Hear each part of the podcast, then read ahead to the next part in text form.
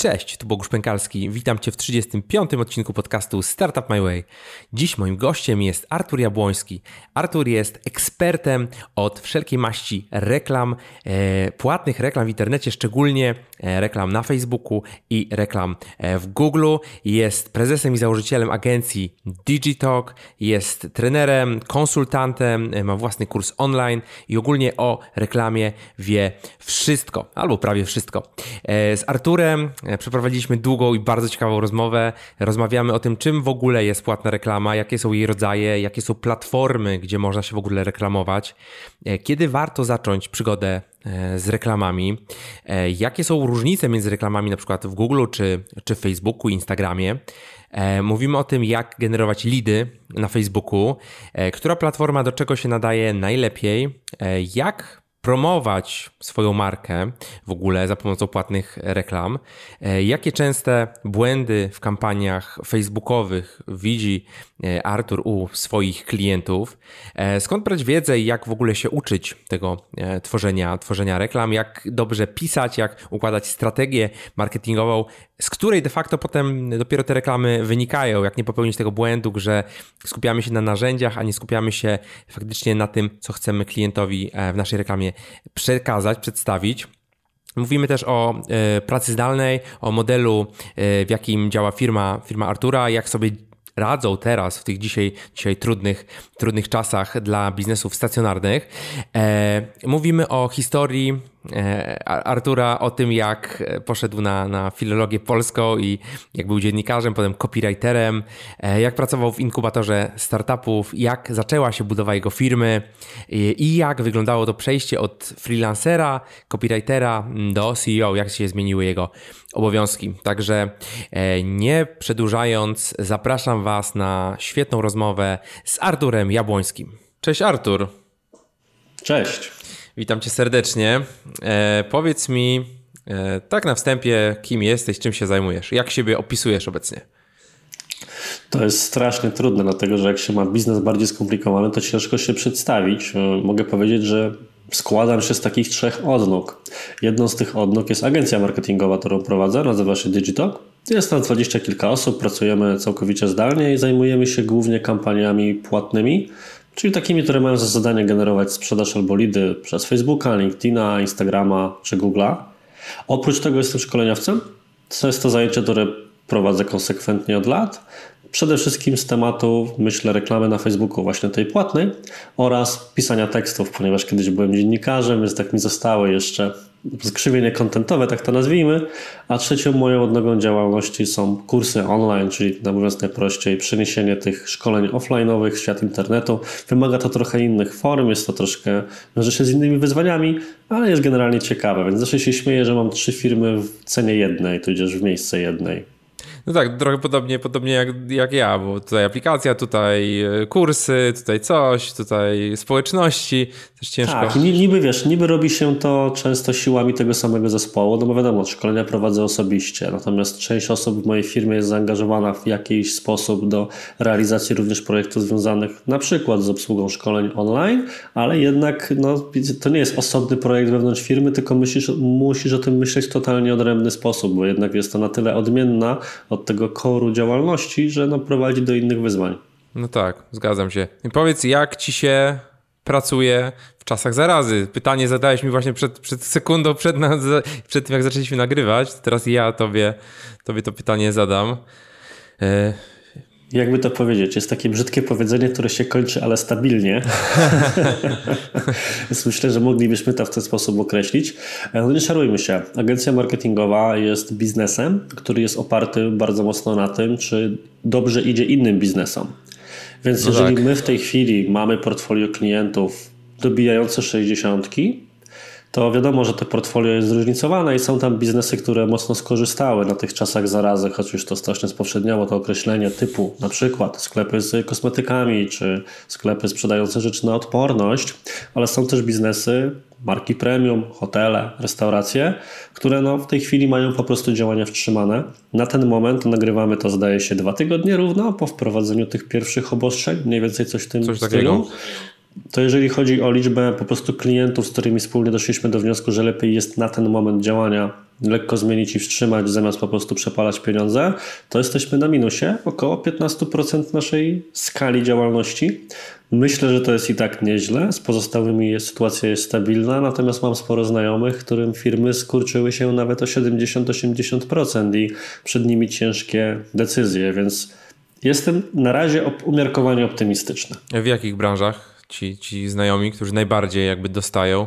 w tym momencie? No to są przede wszystkim branże związane z eventami, no na tak. przykład agencje, agencje wysoce wyspecjalizowane. Ja miałem kiedyś takie marzenie, żeby właśnie jako agencja zacząć specjalizować się w jednym rodzaju działalności, szczególnie na przykład, że my sporo siedzimy w handlu internetowym, czyli mm. to są nie tylko sklepy internetowe, bo handel internetowy to również sprzedaż kursów, sprzedaż jakichś wiem, książek przez internet, tym podobne rzeczy. Natomiast teraz widzę, że z perspektywy czasu dobrze było utrzymywać zdywersyfikowane portfolio, no bo jeżeli znam agencje, których 70-80% klientów to firmy z branży gastro, no to te agencje w tej chwili praktycznie nie funkcjonują i ich biznes upada z dnia na dzień. No właśnie, jakby w DNA waszej firmy jest ta zdalność. Czym się, czym się kierowałeś w momencie, jak, nie wiem, no, czy miałeś w ogóle takie, że się zastanawiałeś, czy y, biuro wynajmujemy i siadamy i zaczynamy działać? Czy... Jasne. Pierwsza sprawa, myślę, że najważniejsza dla kontekstu jest taka, że ja w ogóle nie planowałem budować agencji. W momencie, w którym odchodziłem z etatu, chciałem być niezależnym konsultantem, freelancerem, jak to się ładnie określa, Natomiast no nie wszystko byłem w stanie załatwić samodzielnie, a też nigdy nie chciałem być takim ekspertem teoretykiem, który wiesz, zajmuje się tylko tworzeniem kursów, robieniem szkoleń, a po jakimś czasie rynek mu odjeżdża, bo nie jest na bieżąco osobą zaangażowaną w czystą pracę wykonawczą. Więc siłą rzeczy trzymałem dwie sroki za ogon i nie dało się tego utrzymywać na odpowiednim wysokiej jakości bez zespołu. W takim razie musiałem zacząć powoli rekrutować zespół, ale pojawił się problem następujący, że no jednak mnie dużo nie ma w domu, bo albo jeżdżę na spotkania, albo jeżdżę właśnie na no tak. szkolenia, czy z jakichś innych powodów, na przykład jestem zaproszony na jakąś konferencję, więc trochę głupio by mi było, żeby dwu, trzy osobowy zespół, a taki planowałem na początku, siedział po prostu sam w biurze i nie był się w stanie dobić do szefa, więc po co oni mieliby przychodzić do pracy, skoro mnie by tam w zasadzie nie było. A drugim wątkiem myślę, że ważniejszym było to, że chciałem jednak nie być ograniczony pod kątem rekrutacji przez lokalizację, bo dla mnie to było strasznie głupie, że skoro wtedy akurat mieszkałem w Toruniu, to dlaczego mam pracować tylko z ludźmi z Torunia, z takimi, którzy się zgłoszą? Czy moim głównym kryterium wyboru ma być nie czyjś talent, czy wiesz, chemia, którą złapię podczas rozmowy rekrutacyjnej, a wyłącznie to, że ktoś jest na miejscu i będzie w stanie podreptać, czy podjechać autobusem do tego biura. I tak stąd stwierdziłem, że firma będzie całkowicie zdalna. Nie kojarzyłem przedtem żadnych innych agencji, które działałyby w tym modelu, więc to była ciężka decyzja, czy na pewno nam się uda. Pewnych rzeczy uczyliśmy się od zera samodzielnie na sobie nawzajem, ale po czasie stwierdzam, że to była dobra decyzja, abstrahując od całego wątku pandemicznego, bo jak to określił ładnie mój kolega Rafał Ferber, to obecnie nie jest praca zdalna, tylko praca awaryjna. Tak. Wszyscy na siłę się uczą, jak sobie radzić w domu, natomiast no, ma to wiele, wiele korzyści mimo wszystko. No tak, no właśnie, bo teraz ta praca w ogóle jest no naprawdę yy, taki shift yy, w tą pracę zdalną, przy czym w sumie to taka praca zdalna, tak jak mówisz, no praca awaryjna, bo większość osób nie jest przygotowana do, czego, do czegoś takiego. Problem polega myślę na tym, że zdecydowana większość osób, która nagle myśli o przeniesieniu się na pracę zdalną, tudzież jest do tego zmuszona mm. sytuacją, skupia się na narzędziach, po które musi sięgnąć, a za mało zajmuje się rzeczami takimi jak kultura organizacyjna. To, na czym najbardziej mi zależało od samego początku działania agencji, to żeby zadbać o to, żeby ludzie się lubili, żeby widzieli się jak najczęściej, chociażby na kamerce, tak jak my w tej chwili, żeby widzieli w sobie kogoś innego niż alias w mailu.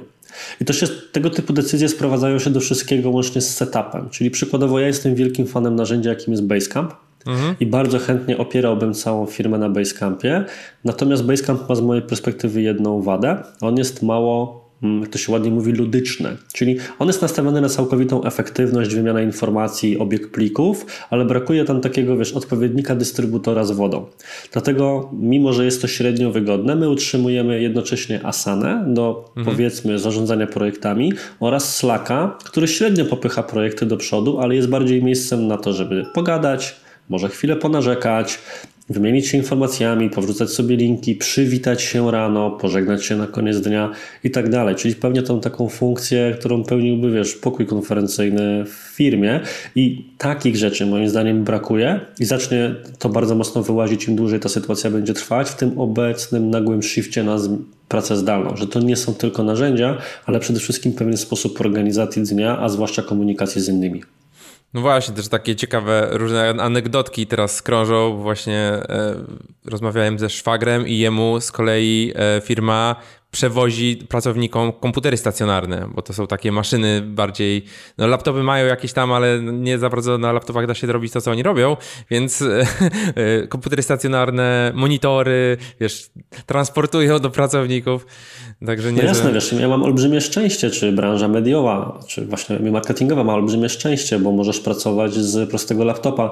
Ja się przekonałem wzorem Michała z Nozbi, że spokojnie jestem w stanie, kiedy jestem w trasie, zarządzać całą firmą i wykonywać wszystkie swoje zadania z iPada.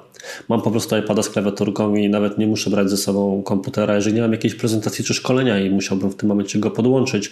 Natomiast jeżeli pracowałbym w jakiejś branży, nie wiem, security, potrzebowałbym mieć mnóstwo zabezpieczeń na swoim sprzęcie, albo właśnie w takich sytuacjach jak ty mówisz, gdzie potrzebne są maszyny z dużą mocą obliczeniową, tak, no to to już nie jest takie, takie łatwe. Tak, tak. Ale to ciekawe, że e, ty siedząc jakby, będąc firmą zdalną, będąc firmą, e, która działa w internecie e, i tak mimo jakby tych cech teraz jakby no trochę dostajesz w tym, w tym biznesie dlatego, że twoi klienci dostają, tak? No, jesteś po prostu mm, firmą, która, tak jak mówiłeś, że idzie wam dobrze, jak innym idzie dobrze. Tak, jak ktoś obcina budżety, to, no to, no to może być różnie. A powiedz mi jeszcze, nawiązując do tej pracy zdalnej, jakie widzisz wady e, u Was? Macie jakieś, jakie są takie największe, nie wiem, minusy z, z Twojej perspektywy? Największym problemem z mojej strony jest utrzymanie dobrego obiegu informacji. Mhm. Bo wiesz, teoretycznie wszyscy narzekają na pracę biurową, jako taką, która ma mnóstwo dystraktorów, przeszkadza w skupieniu, natomiast ma jedną niezaprzeczalną zaletę. Jesteś w stanie w każdej chwili zobaczyć, co się dzieje, podejść do kogoś, zagadać go oraz masz mnóstwo takich przypadkowych interakcji, które czasami pozwalają wygenerować pomysły czy popchnąć e, sprawy do przodu.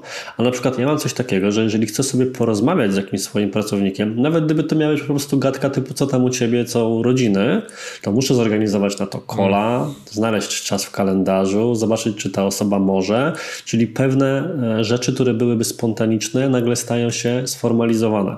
I w ogóle to jest tak, że jak ja kogoś zapraszam na call, to wszyscy się od razu stresują, jakbym tam, nie wiem, miał jakieś wypowiedzenia grupowe co no najmniej tak. wręczać, no, bo to po prostu wynika z tej formy, która z czymś takim się wiąże.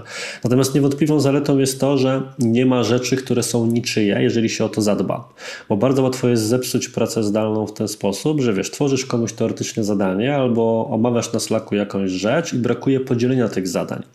W normalnej e, sytuacji biurowej, no to ktoś się zaraz o to upomni, albo będziesz widział, że coś się nie dzieje, a w pracy zdalnej łatwo jest pozwolić, żeby takie rzeczy się rozmyły, bo jeżeli nie posegregujesz dobrze zadań, nie przypiszesz ich do osób, nie nadasz im terminu, czyli nie wykonasz całej tej projektowej pracy, która, umówmy się, często jest dla ludzi najtrudniejsza, to to zniknie. To po prostu zniknie. No tak, ale y, też ja zauważyłem to, że y, jednak jak pracujesz zdalnie, to, to trochę sprzyja temu, żeby budować pewne procesy. Powiedzmy, musisz komuś coś powiedzieć, albo ktoś musi ci dać jakąś informację, no to opisuje. Potem może fajnie, jak to jest opisane, to przekleić to do jakiegoś takiego wiki, do jakiegoś takiego wspólnego, wspólnej bazy wiedzy. A ja pamiętam jeszcze z czasów, jak pracowałem po prostu w biurze, e, będąc, będąc na etacie, że sporo wiedzy było takiej tak zwanej wiedzy plemiennej, że po prostu się szło do jakiegoś zespołu i oni wiedzieli, ale to nie było nigdzie opisane. Więc jak nie miał, tamten zespół by nagle zniknął, to nikt by nie wiedział co się, co się dzieje w, tej, w tych rzeczach, które oni robili. Nie? Więc to taki, taki plus. Ok, dobra, y, przechodzimy do twojego konika, czyli, czyli reklamy. Y, jakbyś mógł w ogóle powiedzieć e, takie, wiesz, reklama 101, e, czym jest płatna reklama, jakie są rodzaje płatnej reklamy, jakie są platformy?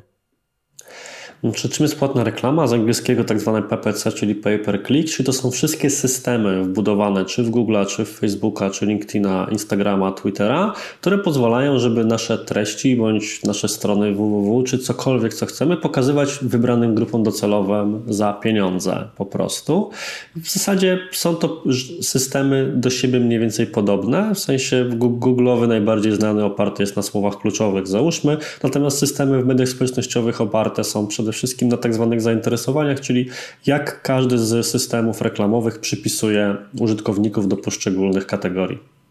Okej, okay, jak, jakie platformy w tym momencie widzisz jakie, jako takie no, sensowne, powiedzmy, do, do reklam?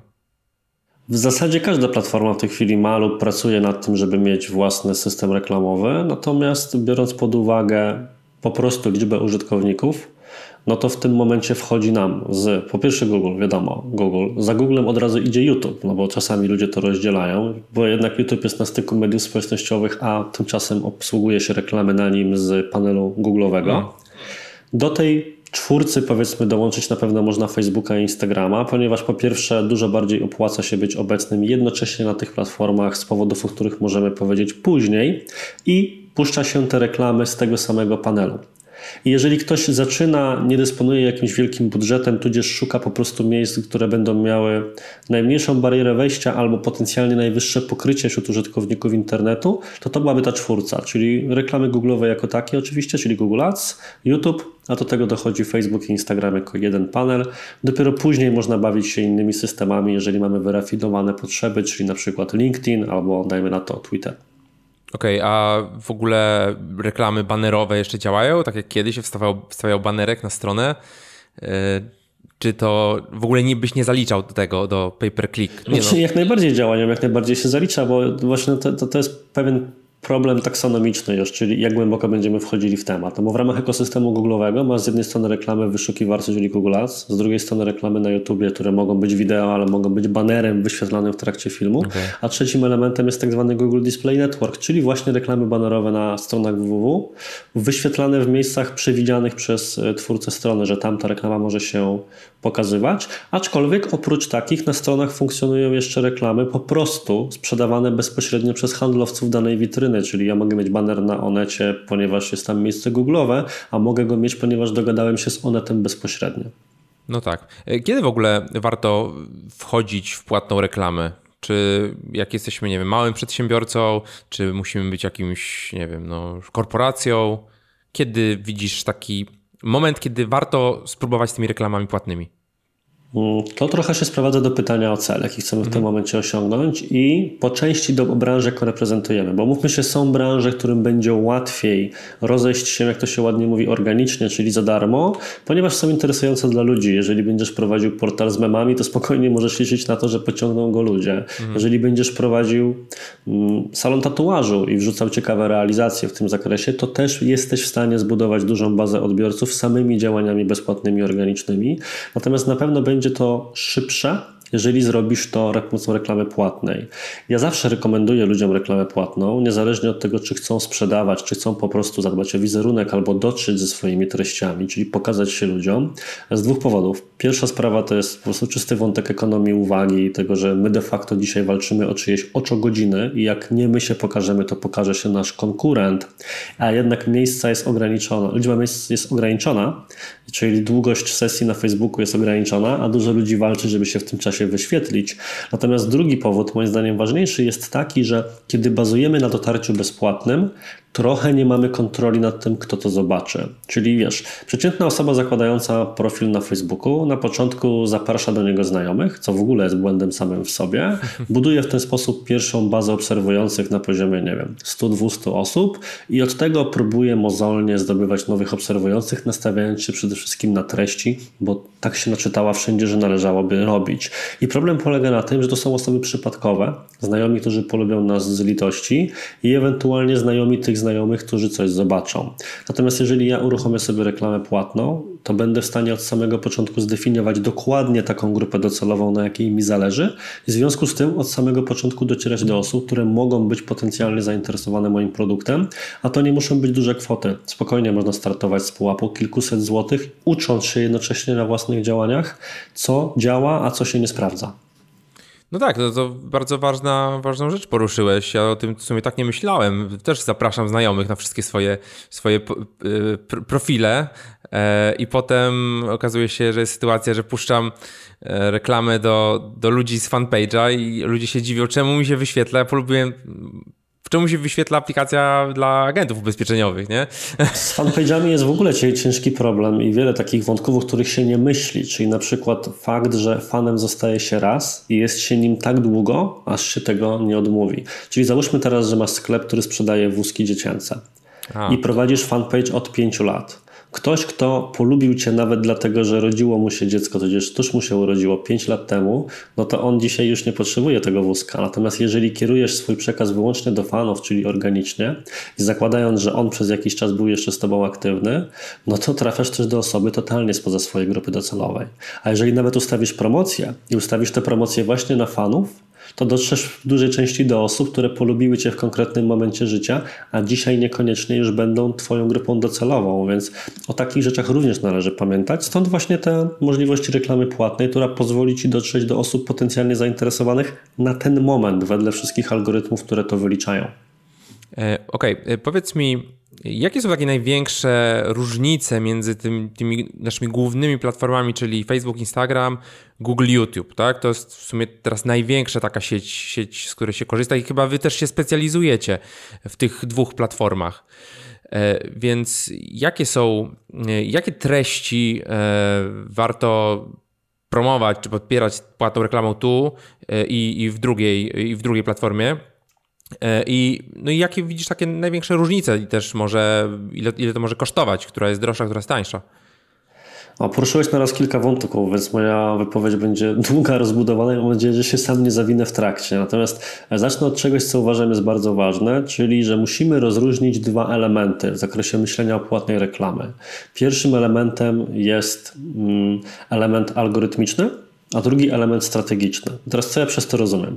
Mówiąc absolutnie uczciwie, niezależnie od tego, czy siadałbym w tej chwili dla projektowania kampanii dla dewelopera sprzedającego mieszkanie, a obok tego na przykład siadałbym do Twojej aplikacji, to pewne grupy docelowe, pewne rozwiązania, pewien sposób tworzenia kampanii bezpośrednio w danych narzędziach, takie dobre praktyki w zakresie organizacji konta reklamowego, byłyby totalnie identyczne, niezależne od tego, co ja w zasadzie promuję.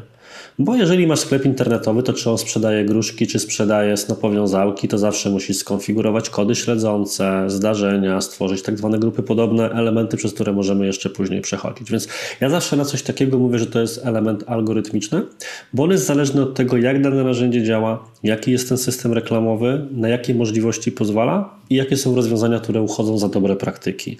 Mimo, że jest to bardzo skomplikowane i wyjaśnienie takich rzeczy zajmuje mi niejednokrotnie dwa pełne dni szkoleniowe, to jednak to nie jest ten aspekt najważniejszy, bo tu dochodzi drugi element, czyli element strategiczny, który po części wiąże się z pytaniem, które zadałeś, czyli czy jakie treści promować, a co za tym idzie, ile to może kosztować. Wyszedłbym z innego założenia, że te systemy są wobec siebie komplementarne. Co oznacza, że no, najprostsza różnica, którą można wskazać, choć oczywiście to nie wyczerpuje pełni możliwości, ale tak się zwykło mówić, no to, że Google jest systemem opartym o wyszukiwania, więc jest oparty na intencji użytkownika. To ma swoje e, zalety, ponieważ jeżeli ktoś w tym momencie szuka mieszkania na wynajem, no to jest dla no mnie tak. idealną grupą odbiorców, ale ma też, ma też swoje wady, czyli ciężej będzie ci dotrzeć do ludzi z produktem, który niekoniecznie jest czymś, na co byś wpadł, że potrzebujesz. Na przykład wczoraj wyświetliła mi się śmieszna reklama. E, była to reklama golarki do pleców na jakimś takim o. dziwnym kiju. Nie, żebym potrzebował, I ale zamówione że... tysiąc tak, sztuk. tak, tak, tak. Kole to zamówiłem oczywiście. I wiesz, to nie jest coś takiego, na co mógłbyś wpaść, że potrzebujesz, raczej ci się wyświetli, czyli ciężej jest dotrzeć e, z produktami, które ktoś może nie wiedzieć jak wpisać. zawsze podaję taki przykład, nie wiem czy kojarzysz, istnieje tak zwana lampa lawa. Czy wiesz co to jest lampa lawa? Nie, chyba nie. No właśnie, a kojarzysz takie śmieszne lampy z amerykańskich filmów z takim glutem w środku, w którym coś pływa? Wydaje mi się, że widziałem. Są takie takiego. kolorowe mhm. i tam takie bąble, jakby na to się mówi gluty przeważnie. Aha. Wpisz sobie kiedyś w Google lampa z glutem w środku, wyskoczą ci reklamy właśnie lampy lawy, bo to jest coś, co możesz nie wiedzieć, że w ogóle chcesz, bo możesz sobie nie zdawać tak. sprawy, że taka lampa istnieje. Zobaczysz jej reklamę, stwierdzisz, że jest ciekawa, że hej, w sumie fajna rzecz, nie pomyślałem o tym. A drugi wątek, nawet gdybyś chciał to znaleźć, to możesz nie wiedzieć, co wpisać. No racja. Ja, ja podobnie e, ostatnio wyświetlałem się na Instagramie przez jakiś czas, jest taki gość jak Conor McGregor yy, i on ma swoją markę whisky i, i, to jest jedyne whisky, które mi się wyświetlało gdziekolwiek w, w, reklamach na Instagramie i faktycznie zobaczyłem to whisky gdzieś w sklepie i je kupiłem, dlatego że widziałem, a pewnie nie kupiłbym, w ogóle nie miał pojęcia, że to jest yy, więc to, to, to jest to, o czym, o czym właśnie mówisz. A co myślisz o takim podejściu E, właśnie szukamy kontekstowo w Google, tak, wyświetla się reklama sponsorowana. Co myślisz o e, pozycjonowaniu się na frazy konkurencji? Bo u nas tak na przykład jest, wpisujesz naszą aplikację i pojawia się konkurencja. I to bardzo często jest, nie? Szczególnie w, ja to widzę na tym rynku aplikacji. E, pojawiają się inne. Co myślisz o takim? Te, czy to jest dobry model, czy to jest zły model? Mm, to jest w ogóle skomplikowany wątek z dwóch powodów. Pierwszy, bo można na niego patrzeć na kilka sposobów. Pierwsza sprawa to jest sprawa czysto związana z regulaminem, czyli to jest rozwiązanie legalne, regulamin na to pozwala, ale to, co, do czego ty de facto nawiązujesz, to jest wątek etyczny. No czy tak. to jest w zasadzie coś, co powinieneś robić? Trochę jest to kwestia każdego indywidualnego sumienia. Po prostu, czy on chciałby coś takiego robić, Tutaj, no cóż, co kto woli. Natomiast bardzo byłbym daleki też i uważał w zakresie na przykład oskarżania kogoś, że on rzeczywiście Twoją nazwę wykorzystuje tylko dlatego, że wpisałeś swoją nazwę i widzisz reklamę konkurencji. Dlaczego? Podam Ci na przykładzie. Miałem taką sytuację, gdzie jeden autor kursu oskarżył mnie o to, że kiedy wpisuje się jego imię i nazwisko, wyskakuje moja reklama. I była reklama mojego szkolenia.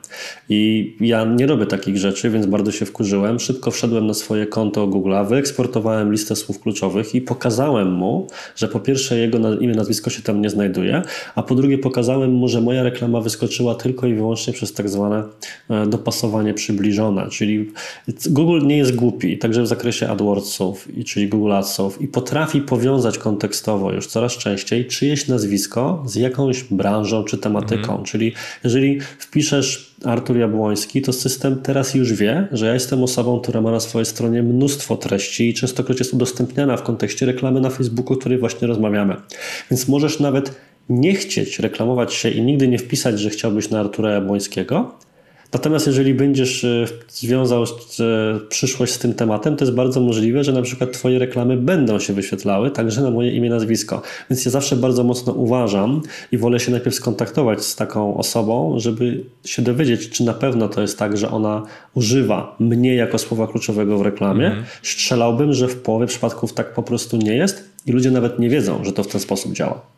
No, ja też nie widziałem, ale zakładam. Znaczy wiesz, no ja się jakby nie burzę o to, tak? No to jest internet, tak? Ja jestem dosyć, powiedzmy, e, wyrozumiały. No, można różne rzeczy. Wi wiadomo, że nie, nie kopiujemy się nawzajem dokładnie, ale jakby no można takie rzeczy Trochę robić. każdy orze jak może. Wiesz, czym to się różni od e, takiego bardzo częstego modelu promocji aplikacji, który polega na tym, że na swoim blogu robisz przegląd aplikacji tak. jakiegoś rodzaju. Czyli ktoś szuka Zooma, ty masz jakieś inne narzędzie i tam jest five alternatives for Zoom for conference calls. No i w tym momencie się okazuje, że jasne, ktoś ci omawia Zooma, przy okazji trzy inne, ale jako pierwszy bądź ostatni pojawia się ten autora tego bloga. I teraz, e, jeżeli mielibyśmy się burzyć o pozycję, o reklamę płatną na czyjąś nazwę, to równie dobrze powinniśmy się burzyć o tego typu rozwiązania.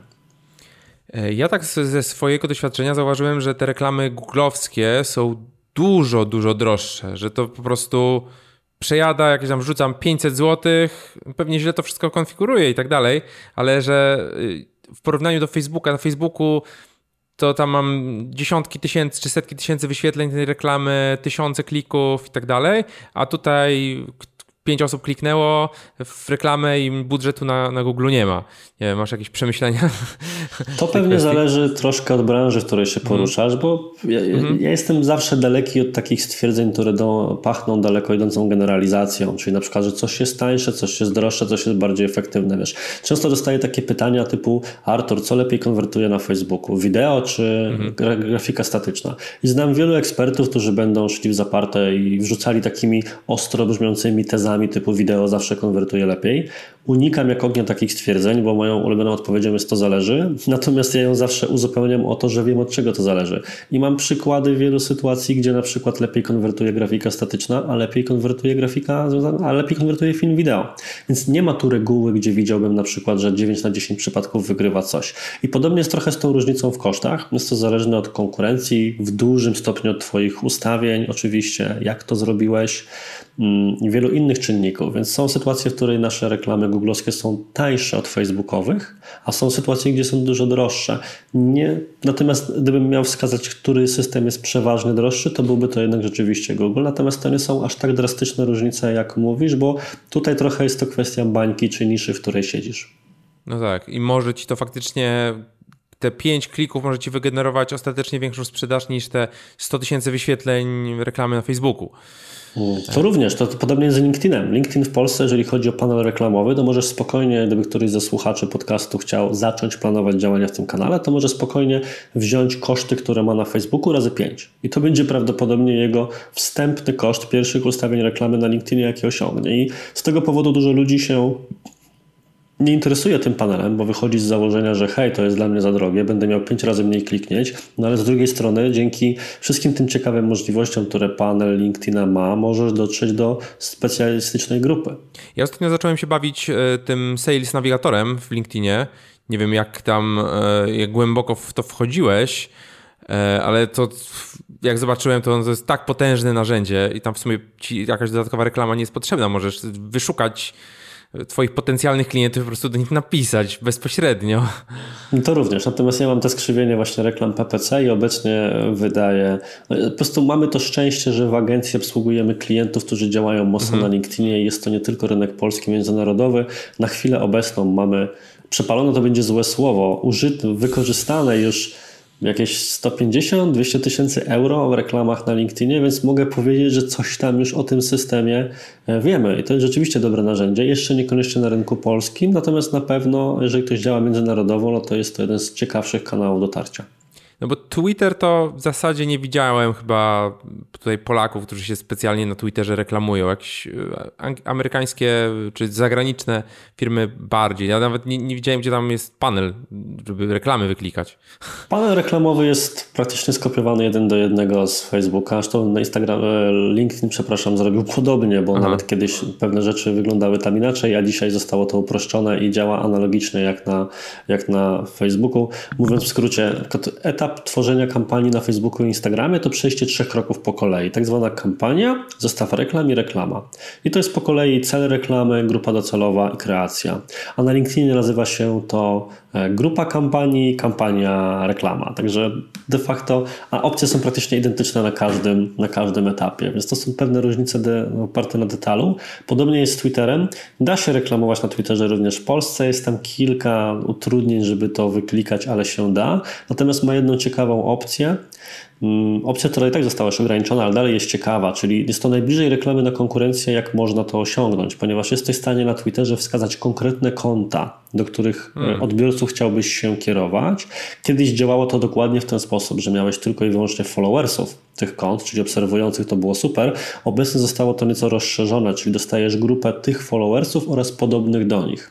Natomiast wiesz, to strasznie skraca, szczególnie na tych międzynarodowych rynkach, czy tak jak dla Ciebie w świecie mhm. aplikacji, bardzo skraca potrzebę. Jeżeli mam aplikację związaną z finansami, no to po prostu biorę konta typu Michał Szafrański, jakieś banki, newsy giełdowe i nie muszę się zastanawiać, jaką grupę wiekową dobrać, czy jakie zainteresowania, na których wszyscy przeważnie bazują, miałbym ustawić. Po prostu całą robotę załatwia za mnie w tym momencie algorytm i działa pod tym kątem rzeczywiście sprawnie. No to, no to ciekawe, ale to pewnie jeszcze, jeszcze troszkę tutaj polski rynek musi dojrzeć, szczególnie, że ten Twitter polski też nie jest taki rozbu rozbudowany. E, Poruszyłeś kwestię tych jakby trzech, trzech kroków w ustawianiu kampanii. To może wejdźmy, wejdźmy na tego Facebooka.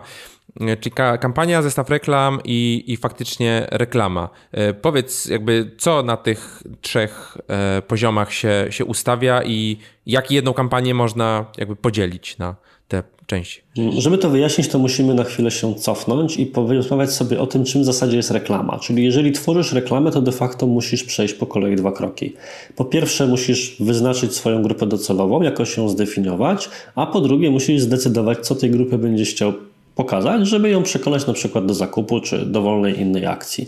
I teraz na każdym panelu społecznościowym, na każdym panelu reklamowym, zresztą w Google również, masz jeszcze ten krok wcześniejszy, czyli określenie tak zwanego celu danej kampanii. I to czasami wprawia ludzi w konfuzję, widzę to po szkoleniach czy na swoim kursie, że w zasadzie po co to jest, skoro no ja już wiem do kogo chcę dotrzeć i co mu chcę pokazać. I najłatwiej jest to wyjaśnić w ten sposób, że jeżeli przyjęlibyśmy, że Twoja grupa docelowa to na przykład mamy z dziećmi, to z Twojego punktu widzenia ta grupa jest heterogeniczna, w sensie jest spójna, charakteryzuje się dokładnie tymi samymi e, rzeczami. Natomiast z punktu widzenia algorytmów niekoniecznie, ponieważ możesz mieć mamy, które chętnie oglądają filmiki, a możesz mieć mamy, które dyskutują dużo na Facebooku, a możesz mieć mamy, które dużo chodzą po stronach internetowych. Oczywiście to nie jest tak, że ludzie reprezentują tylko jeden ten typ zachowania, natomiast jest jakiś dominujący, tak to nazwijmy. Mm. I wybór celu reklamowego to jest wybór jednej z dwóch rzeczy. Po pierwsze, to jest wybór mechaniki reklamy, ponieważ możesz chcieć kierować ludzi na stronę www, a możesz chcieć kierować ich na przykład do Messengera i próbować dopiąć sprzedaż w ten sposób, coś w ogóle fantastycznie sprawdza, do tego również możemy potem wrócić. Ale po drugie, jednocześnie jest to po części wybór Twojej grupy docelowej. Ponieważ jeżeli masz dwa cele reklamowe na Facebooku, na przykład pierwszy to ruch, a drugi to aktywność, to jeżeli wybierzesz cel ruch, i wybierzesz jako swoją grupę docelową mamę z dziećmi, to dotrzesz do trochę innej części grupy docelowej, niż jeżeli wybierzesz cel reklamowy aktywność, bo wówczas docierasz przede wszystkim do takich osób, które lubują się w dyskusjach.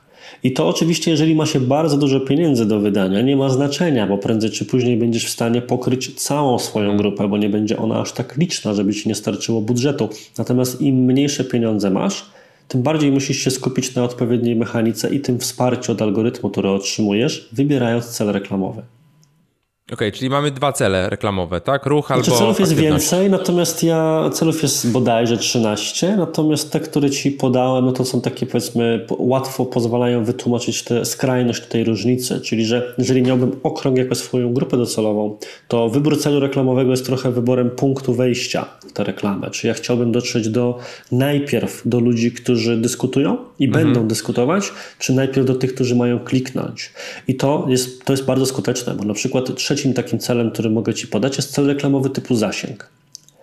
Cel reklamowy typu zasięg ma tylko jedno zadanie, ma coś ludziom pokazać.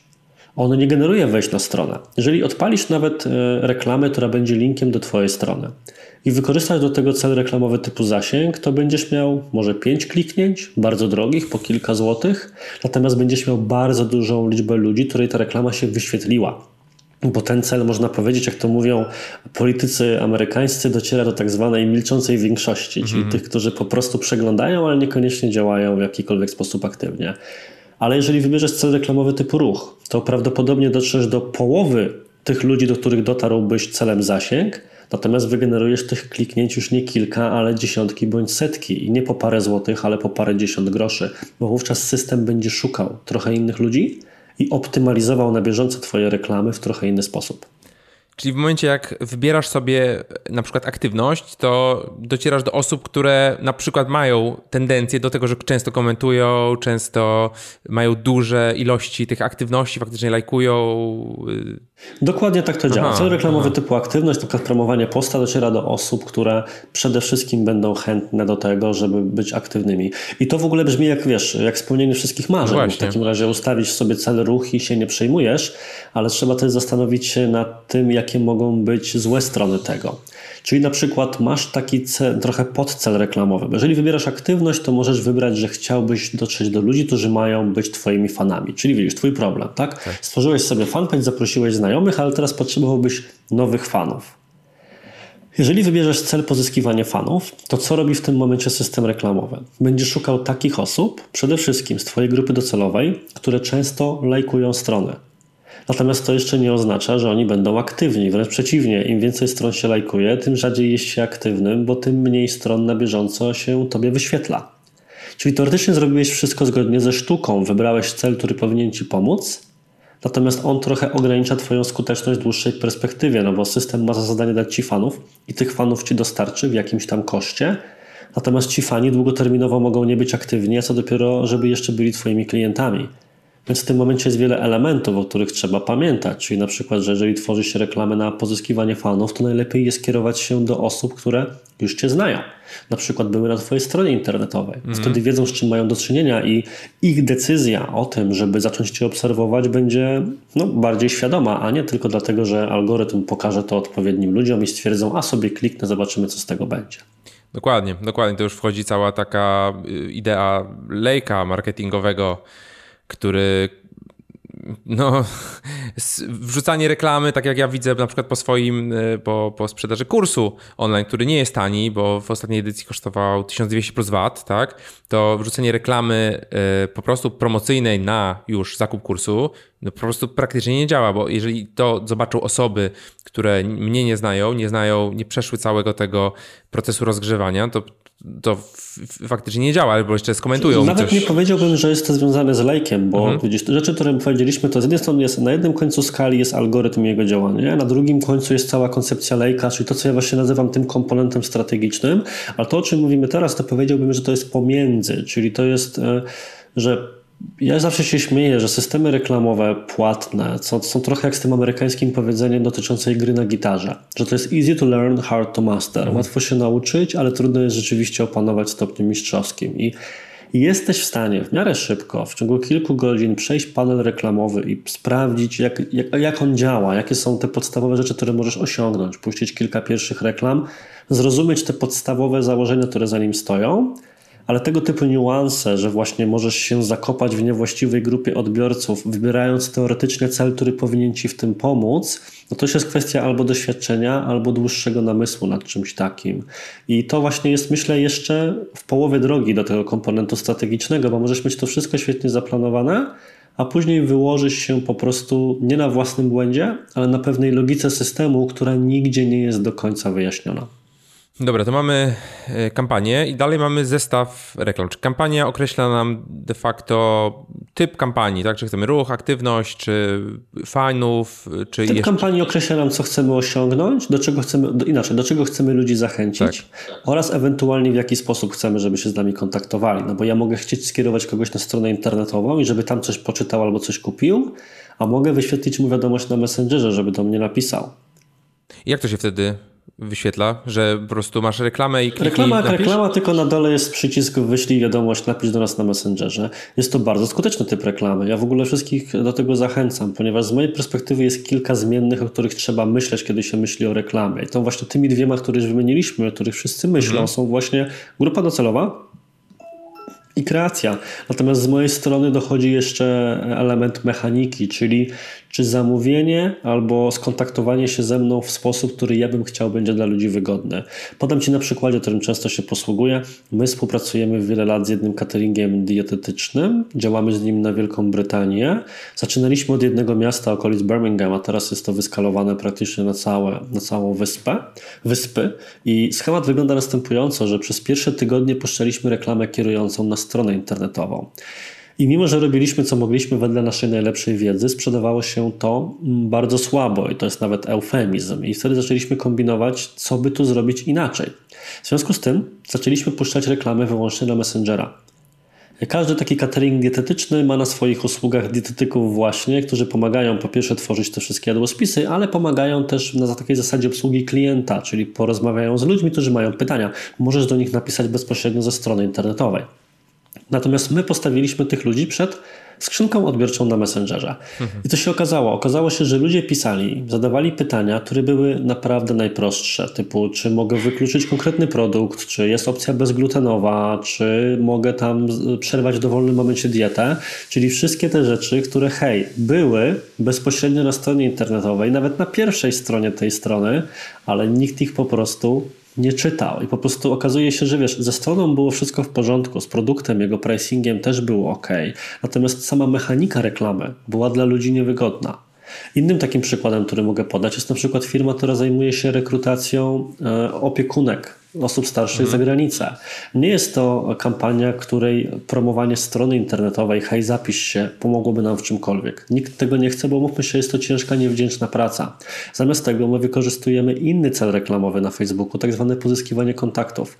Potencjalne opiekunki zostawiają do siebie numer telefonu i maila, a my przekazujemy później te, nazwijmy to lidy, bezpośrednio do działu rekrutacji, który obdzwania te opiekunki. I w momencie, w którym jest już bezpośrednia rozmowa, to wiadomo, że dużo łatwiej jest kogoś przekonać, żeby dał szansę tego typu pracy, zbić jego potencjalne obiekcje czy wątpliwości. Dlatego ten komponent mechaniki jest czymś, co w kampaniach płatnych, mediach społecznościowych trzeba bardzo dobrze pomyśle, przemyśleć, czy będzie to wygodne dla ludzi, żeby zamawiali u mnie na przykład przez stronę internetową. No tak, to e, okej, okay, czyli mamy kampanię. Dobra, to daj, co, co teraz z tym zestawem reklam, o co tam, o co tam chodzi, co tam możemy ustawić? No cóż, zestaw reklam to jest ten drugi krok. On się nazywa tak z kilku powodów, o których powiemy pewnie bliżej przy tym trzecim etapie. Natomiast generalnie chodzi o to, że zestaw reklam jest panelem, w którym ustawiasz grupę odbiorców. Masz więc podstawowe dane demograficzne, czyli lokalizację, wiek, płeć danej osoby Masz również tutaj możliwość podjęcia decyzji, gdzie Twoja reklama ma się wyświetlać. Czy ma to być Facebook, Messenger, Instagram, czy wszystkie te aplikacje jednocześnie. Oraz oczywiście możesz e, wybrać bądź pozostawić to algorytmowi urządzenia, na których ta reklama ma się wyświetlać, czyli czy mają być to komórki, czy komputery bądź laptopy. Ale najbardziej znaną częścią tego panelu, z którą ludzie w ogóle kojarzą reklamę w mediach społecznościowych, a na Facebooku zwłaszcza, Budżet? są tak zwane zainteresowania. A, nie. Budżet swoją drogą, tak. ale jeszcze właśnie zainteresowania, czyli to, jakie kryteria, nazwijmy to psychograficzne czy behawioralne, Twoja grupa docelowa ma spełniać. I możliwości jest naprawdę milion, od osób zainteresowanych konkretnymi politykami, po osoby zainteresowane bardzo szerokimi kategoriami, kategoriami typu maratony. Niezbadane są wyroki, w jakie Facebook to klasyfikuje. Jest z tym czasami sporo przypadkowych elementów, no ale jednak taka możliwość jest i jest to dokładniejsze niż uderzanie na ślepo. Mm, Okej, okay. i czyli tutaj możemy sobie już dla jednej kampanii ustawić kilka tych zestawów. Tak, bo generalnie chodzi o to, że taka struktura przypomina trochę pajęczynkę, czyli twoją, twoją kampanią jest kampania kierująca ruch na stronę internetową. To jest twój cel typu ruch, a następnie możesz chcieć sprowadzić na tę stronę kilka różnych grup docelowych. Każda Twoja grupa będzie jednym tak zwanym zestawem reklam. I w ten sposób możemy płynnie przejść do komponentu trzeciego, mhm. czyli którym są właśnie reklamy. Nazwa zestaw reklam wzięła się w ten sposób, że możesz pokazywać swojej grupie docelowej w tym samym budżecie kilka reklam jednocześnie. Czyli możesz koło siebie puścić reklamę wideo, reklamę z grafiką, czy reklamę opartą, nie wiem, o jakiś GIF albo pokaz slajdów. I system tutaj jest bardzo pomocny, ponieważ jeżeli dasz mu na przykład trzy warianty, to on już po kilkuset wyświetleniach będzie w stanie określić, który z tych wariantów jest najbardziej skuteczny, ergo sprowadza najwięcej ludzi na stronę w tym wypadku, czyli najbardziej przyciąga uwagę. Pozostałe więc zacznie marginalizować, a najbardziej będzie promować ten jeden, który okazał się dla Ciebie najskuteczniejszy. Stąd najczęściej mówię ludziom, że nie ma sensu puszczać jednej reklamy, lepiej jest przygotować dwie, trzy kreacje w ramach zestawu i stąd ta nazwa, zestaw mhm. reklam, nawet sama ta nazwa macie do tego zachęcić, bo dzięki temu będziesz w stanie mm, zrobić sobie nazwijmy to test bez własnego zaangażowania i sprawdzania na bieżąco i to nie oznacza, że wydasz więcej pieniędzy. Przeciwnie, wydasz dokładnie tyle samo, ale one zostaną rozdystrybuowane w inny sposób. Czy tutaj byś zalecał na przykład e, zrobienie różnego, tak jak mówiłeś, jedna reklama z wideo, jedną reklamę z, ze zdjęciem statycznym, trzecią z jakimś tam pokazem? Czy tutaj też robić na przykład krótszy tekst, dłuższy tekst, jakiś bardzo długi tekst? Mam dobre, dobre doświadczenia z długimi tekstami. Mhm. To jest nieprawda, że ludzie nie czytają, po prostu muszą mieć coś, co będzie ich angażować i wielokrotnie te dłuższe teksty sprzedają u nas lepiej niż krótsze. Natomiast gdybym miał zalecać na samym początku, co testować, no to przede wszystkim warto testować formaty, ponieważ zmiany formatu, czyli właśnie grafika versus wideo, to jest coś, co człowiek najszybciej zauważy.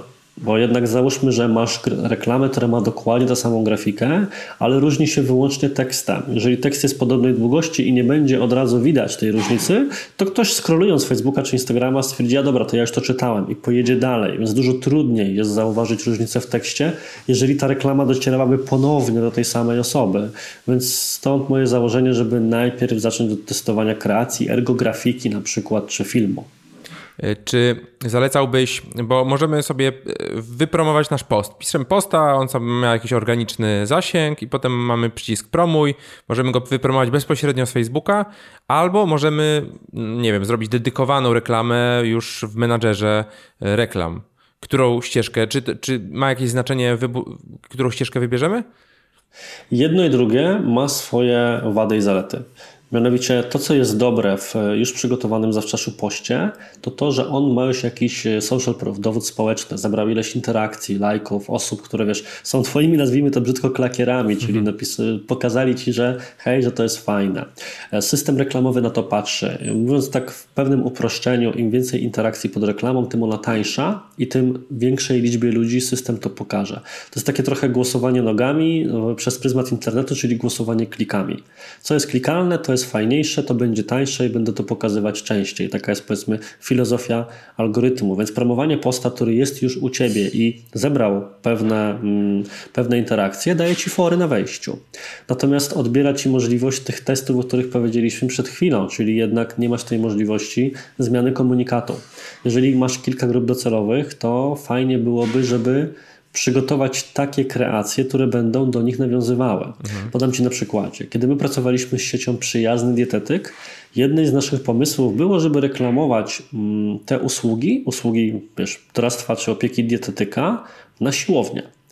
Natomiast to zrobiliśmy to oczywiście, okazało się to bardzo skuteczne. Po prostu robiliśmy to na podstawie targetowania po konkretnych adresach, a da się to zrobić. Hmm. Tylko, że to by się nie sprawdziło, gdybyśmy puszczali taką typową kreację w, tej, w tej branży, czyli wiesz, uśmiechniętą panią z, sałatkiem, z sałatką albo jabłuszkiem, która mówi tam schudnij z nami. Zamiast tego my przygotowaliśmy kreacje, które pokazywały ćwiczących ludzi i jednocześnie tekst reklamy zaczynał się od haseł typu ćwiczysz na siłowni albo chodzisz na siłownię, czyli wiesz, nie mówiliśmy wprost, że ci ludzie prawdopodobnie teraz się tam znajdują, ale chodziło o to, że jeżeli ktoś między seriami czy w szatni będzie sobie scrollował Facebooka albo Instagrama, to zobaczy reklamę, która będzie nawiązywała od języka po wizualia bezpośrednio do kontekstu sytuacyjnego, do tego, gdzie on się w tej chwili znajduje.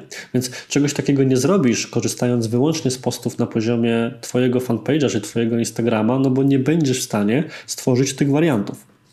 Okej, okay, czyli to jest reklama, która nie to, że siłownia jest pod danym adresem i ludzie, nie wiem, pracownicy widzą to, bo tam pracują, tylko ktoś, kto fizycznie się znajduje pod danym adresem, i wtedy przegląda Facebooka, to wtedy mu się to wyświetli, tak? Znaczy, jeżeli ustawisz reklamę, że wyświetlała się cały dzień w danym miejscu bo i, i kilometr wokół, bo to jest taki Aha. minimalny zakres, jaki możesz ustawić, no, tak. no, to wiadomo, że wpadnie tam też również szereg przypadkowych osób, nie. ale trudno, ponieważ umówmy się, to jest i tak szalenie dokładne. To jest i ja tak nie wiedziałem, że taka dokładne. opcja jest, mówiąc szczerze. To jest bardzo często wykorzystywane. My robiliśmy kiedyś w ramach z kolei współpracy z inną agencją pracy rekrutację kierowców tirów.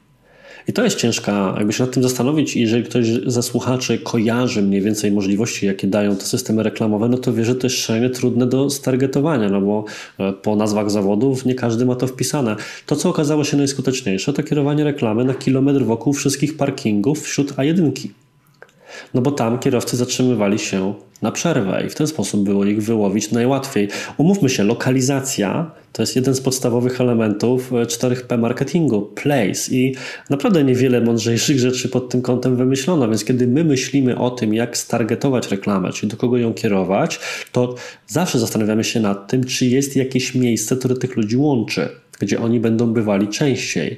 Jeżeli chcesz dotrzeć na przykład do osób, które będą bardziej zamożne, jednym z ciekawszych rzeczy, które możesz zrobić, jest zidentyfikować, gdzie w danym miejscu są osiedla bogatsze. Jakieś domki jednorodzinne, ulice, gdzie jest dużo inwestycji klasy premium. I zamiast na przykład kierować reklamę na całe miasto, możesz skupić się tylko na tej okolicy. Możesz to zresztą zrobić też i na Facebooku i na Google, bo oba panele mają w tym zakresie podobne możliwości. Więc ktoś wpisujący na przykład bielizna marki premium, jeżeli będzie z biedniejszej dzielnicy, nie będzie widział Twojej reklamy, jeżeli będzie z tego osiedla domków za parę milionów, to on w tym momencie ją zobaczy. No piękna sprawa, powiem ci. A powiedz mi, czy jeżeli to nie jest fizyczne miejsce, e, tylko to jest na przykład grupa na Facebooku. Ja mam taki case. Mam grupę na Facebooku, gdzie jest 15 tysięcy agentów ubezpieczeniowych. E, I ja chciałbym dotrzeć z moją płatną reklamą do nich. Oczywiście mi się udało e, dogadać z adminami i tak dalej. Ja tam zrobiłem kampanię marketingową na grupie i to mi po prostu na 50 rozdanych kodów, które tam rozdałem, takie kody rabatowe specjalnie dla grupy, 18 e, osób wykorzystało te kody, czyli to jest konwersja na poziomie 36% i 18 osób kupiło roczne abonamenty. Więc, Gratuluję, super. Ale nie jestem w stanie dotrzeć nie wiem, jak dotrzeć do nich e, z moją płatną reklamą, bo nie chciałbym, wiesz, mogę tam zrobić raz na pół roku coś, ale tam, tam nie ma reklam, tak? Tam, tam się nie reklamuje, ludzie tego nie lubią. E, poza tym, że mi może admin pozwoli, tak? E, jak, czy jest jakiś sposób, żeby do czego dążysz? Dążysz do tego, czy da się zrobić reklamę na, na grupie? Na grupie się nie da nie zrobić da reklamy. Nie da tak? się. Nie da się, natomiast będzie forma reklamy na grupach, która się niedługo pojawi, bo ja już widziałem takie, takie wersje panelu reklamowego, to po prostu reklama na grupie jako kolejne umiejscowienie, czyli skrolując sobie grupę, będziesz między postami po prostu uczestników tej grupy widział reklamy, natomiast to będzie oparte na zainteresowaniach, czyli ty będziesz mógł zobaczyć reklamę mojego kursu mhm. na grupach o sporcie tylko i wyłącznie dlatego, że jesteś przez system stargetowany jako potencjalny odbiorca mojego kursu, a nie dlatego, że jesteś, wiesz, członkiem grup o marketingu. Więc tego idealnego narzędzia, które się wszystkim marzy, ergo wskaż konkretną grupę i tam się pojawi Twoja reklama, albo tylko tym ludziom, nie widziałem takich zapowiedzi i raczej się nie zapowiada, żeby coś takiego miało być. Natomiast skoro już mówiliśmy o rozwiązaniach legalnych kontra etycznych, no to są oczywiście metody, żeby coś takiego zrobić. Istnieją narzędzia, takie jak na przykład snip.ly, które pozwalają, jakby to powiedzieć, umieścić kod remarketingowy nie na stronie internetowej, ale pod konkretnym linkiem. Co to oznacza? To oznacza, że mógłbyś zrobić rzecz następującą: założyć sobie fałszywe konto, zacząć udawać agenta ubezpieczeniowego, dołączyć do tej grupy, być tam chwilę aktywnym, żeby wiesz, nie wyjść na właśnie oszusta w tym momencie, potem wziąć jakiś artykuł ze serwisu branżowego, niech to będzie money.pl i pod ten link do money.pl, który nie jest Twoim adresem, podpiąć swój kod remarketingowy i musiałby to być oczywiście artykuł, który będzie, jak to się ładnie po polsku mówi, triggerował wszystkich agentów, czyli jakiś taki temat, który na pewno będzie chętnie klikalny, nie wiem, zmiany warunków, prawy czy cokolwiek. I wrzucasz taki link na grupę. Z punktu widzenia użytkowników link jest linkiem, nikt nie będzie patrzył jak tam się do końca adres nazywa, a każda osoba, która coś takiego kliknie, mimo że docelowo wyląduje na money.pl, to w międzyczasie ląduje w Twojej grupie remarketingowej i masz konkretne osoby wyselekcjonowane z danej grupy docelowej, do których możesz później puszczać swoją reklamę. Więc jest to bardzo skomplikowana metoda, natomiast jest, jest, jak widzisz, jest to możliwe, tylko no, wymaga sporej liczby działań. Tak, tak. I zastanowienia się, czy czy, czy tak robić z punktu widzenia etycznego. No i kwestia własnego sumienia. Oczywiście możesz to robić z własnego adresu. Jest na, na, grupach marketingowych na przykład jest to bardzo częsta praktyka, bo w ten sposób ludzie budują sobie bazę odbiorców i normalnie z własnego konta wrzucają jakieś treści, cudze treści, ale w specjalny sposób otagowane przez mhm. siebie. Mhm. Okej, okay. to poruszyliśmy temat remarketingu. To może powiedz e, w kilku słowach, czym w ogóle jest remarketing? Najprościej rzecz biorąc jest to docieranie do osób, które miały już styczność z Twoją marką. W klasyczny rozumiany sposób są to osoby, które przewinęły się przez Twoją stronę internetową, czyli po prostu ją odwiedziły. Natomiast media społecznościowe troszkę rozszerzyły te kategorie, ponieważ mogą to być na przykład również osoby, które weszły w interakcję z Twoim profilem na Instagramie czy z Twoim fanpage'em. E, okej, okay, a czy zaliczyłbyś do tego też yy, grupy odbiorców, które Ty definiujesz, czyli na przykład mam listę mailingową, wrzucam ją do Facebooka, tak? I puszczam tak, reklamę do mojej jeden, listy. jeden z rodzajów grup. Możesz oczywiście w ten sposób wykorzystać listę mailingową albo na przykład e, bazę telefonów. Pod warunkiem hashtag RODO, że masz na to odpowiednie zgody. No tak. E, Okej, okay. jak generować lidy na Facebooku? Ty miałeś chyba podcast, o tym nagrywałeś. E, jak, jakie są sposoby? Czy, czy, czy w ogóle. E, no nie, no nie wiem, powiedzmy, że chcemy, chcemy zdobyć klientów na naszą e, usługę. Czy to będzie aplikacja, czy coś, cokolwiek innego. Jak możemy do tego podejść? Ponownie wracamy do tego wątku strategiczno-algorytmicznego. Czyli kwestia jest taka, że z punktu widzenia algorytmu masz osobny cel reklamowy, który nazywa się pozyskiwanie lidów. Działa on w ten sposób, że po kliknięciu w reklamę otwiera się formularz. Formularz, który jest zwykłym formularzem kontaktowym, ale przewaga nad tym zwykłym formularzem jest następująca. Otóż on automatycznie wypełnia się danymi, o które ktoś poprosi. Czyli z automatu pobierasz czyjegoś profilu, jego prywatny adres e-mail, numer telefonu, czy na przykład miasto zamieszkania, jeżeli o to będziesz prosił. I ta osoba oczywiście po kilku kliknięciach i udzieleniu wszelkiej maści zgód marketingowych czy zgód na kontakt, ląduje w Twoim panelu i możesz w tym momencie robić sobie, co się Tobie żywnie podoba, czyli kontaktować się z taką osobą. I to jest odpowiedź czysto algorytmiczna. Natomiast odpowiedź strategiczna zakłada, że musiałbyś się zastanowić jeszcze nad tym, w jaki sposób chcesz tych ludzi przekonać, żeby no, tym lidem zostali. Są kampanie prostsze i bardziej skomplikowane. Myśmy kiedyś generowali, nazwijmy to lidy, albo właśnie zapytania do tej agencji rekrutacyjnej do potencjalnych pracowników. I to było czasami proste. Jeżeli szukaliśmy ludzi, którzy będą pracowali na budowie, to puszczało się reklamy typu hej patrz, tutaj betoniarka, która czeka na ciebie do obsługi, płaca tyle, wyjazd wtedy i to wystarczyło. Są też branże, gdzie można puścić taką reklamę niemalże na ślepo na wszystkich, czyli to są różnego rodzaju eventy, albo na przykład deweloperzy budowlani tak puszczają. Chcesz porozmawiać o mieszkaniu? Zostaw dane, odzwonimy. Tak zdobywają lidy salony samochodowe. Puszczają reklamy typu chcesz się umówić na jazdę próbną? Zostaw dane, odzwonimy. Problem zaczyna się wtedy, kiedy branża jest bardziej skomplikowana i musisz do tego jakoś podejść. A tutaj natomiast taktyki, które możesz wdrożyć, są w każdej branży takie same. Najdziwniejsza, najdziwniejsza rzecz, którą my promowaliśmy w ten sposób, były, tutaj uwaga dla wrażliwych słuchaczy, żeby ewentualnie przewinąć, zabiegi wybielania odbytu w Gdańsku. I okazało się, że nijak nikt nie chciał zostać lidem czegoś takiego, dopóki nie wdrożyliśmy, uwaga, rabatu. Wystarczyło dać ludziom w zamian za pozostawienie danych e, rabat na zabieg, jakiś tam w wysokości chyba 15% i nagle otworzyło nam się źródełko zapytań o coś takiego. Więc no po prostu to było dziwne. To było dziwne, ale zadziałało. Więc raczej bym się skupił na zgłębieniu tematu, który się nazywa ładnie z angielskiego lead magnet, czyli jakiego rodzaju treści przyciągają potencjalnych ludzi i zachęcają ich do tego, żeby pozostawić do siebie kontakt. To są te wszystkie tak lubiane przez ludzi, tudzież nielubiane e-booki, checklisty, materiały dodatkowe, wideo, wszystko to, co sprawia, że dostaniesz coś pod warunkiem, że zostawisz do siebie kontakt.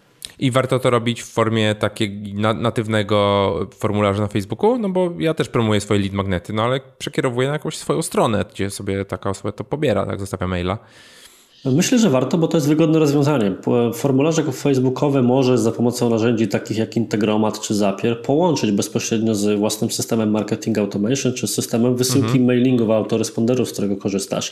Ja mam to, to na przykład spięte z Freshmailem, z którego z kolei mhm. korzystam, więc każda osoba, która wypełni formularz na Facebooku, ląduje od razu, jest automatycznie przekierowana do mojej listy zapisowej na Freshmailu i Freshmail od razu wysyła jej tę informację.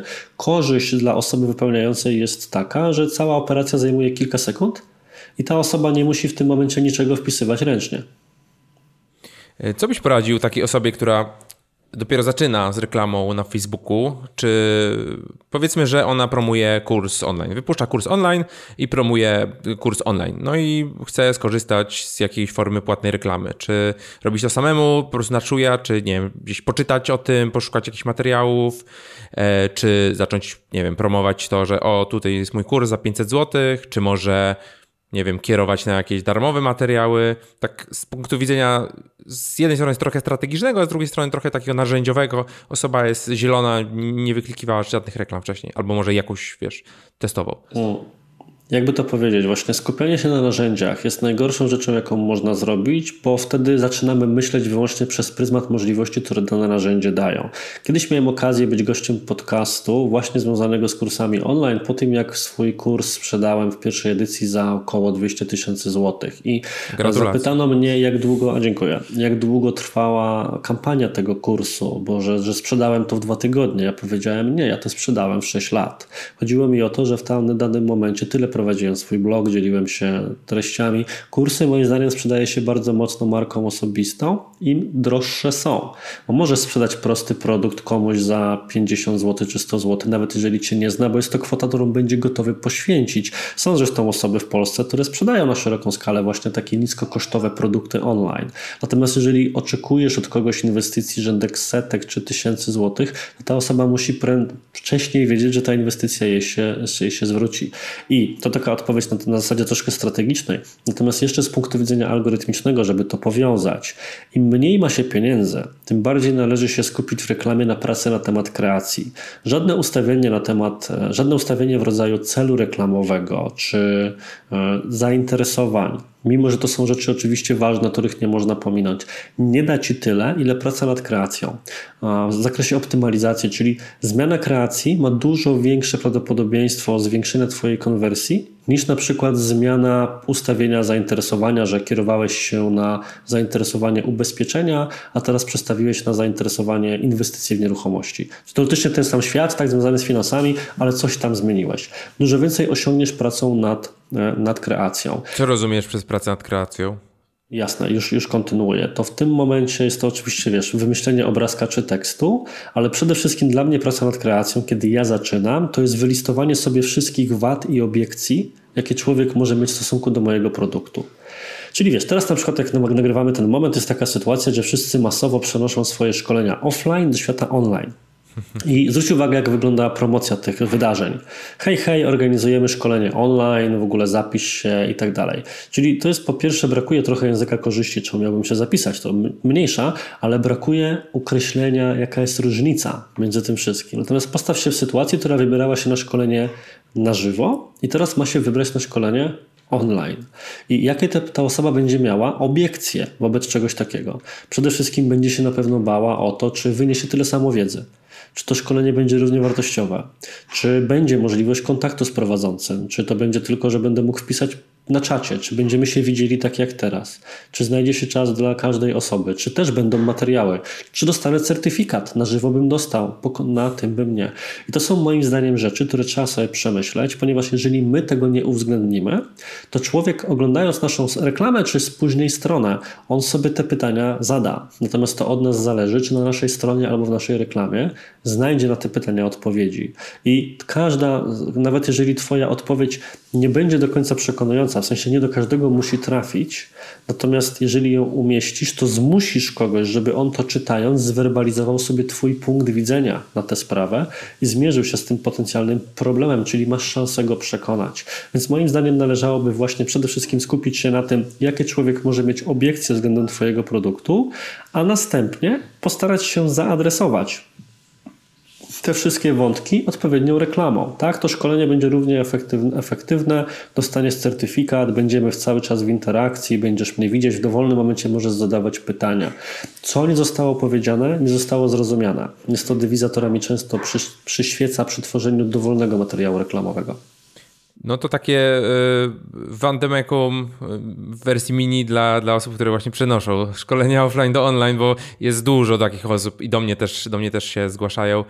E, ja też już e, właśnie skończyłem niedawno sprzedaż czwartej edycji mojego kursu też tam sprzedaże w okolicach mniej, poniżej albo, albo ponad y, około 100 tysięcy złotych, więc... No to bardzo ładnie, bardzo ładnie. Tak, więc całkiem, całkiem to fajnie, fajnie poszło. Mamy trochę... To są ciekawe pytania, które zadajesz, ponieważ ja, ja widzę, że generalnie, e, niezależnie od narzędzia, ludzie zawsze zadają pytania, które de facto są podstawowymi pytaniami w zakresie marketingu czy sprzedaży i prawideł rządzących tym, a ludzie je zadają w taki sposób, jakby fakt, że reklamują się na Facebooku, Instagramie czy Google, miał zmienić sposoby, w jaki marketing działa.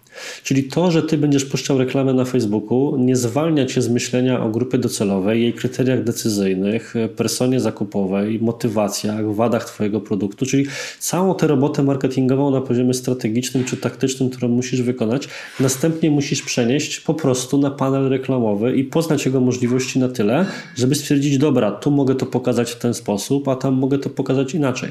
To jest trochę jak z contentem.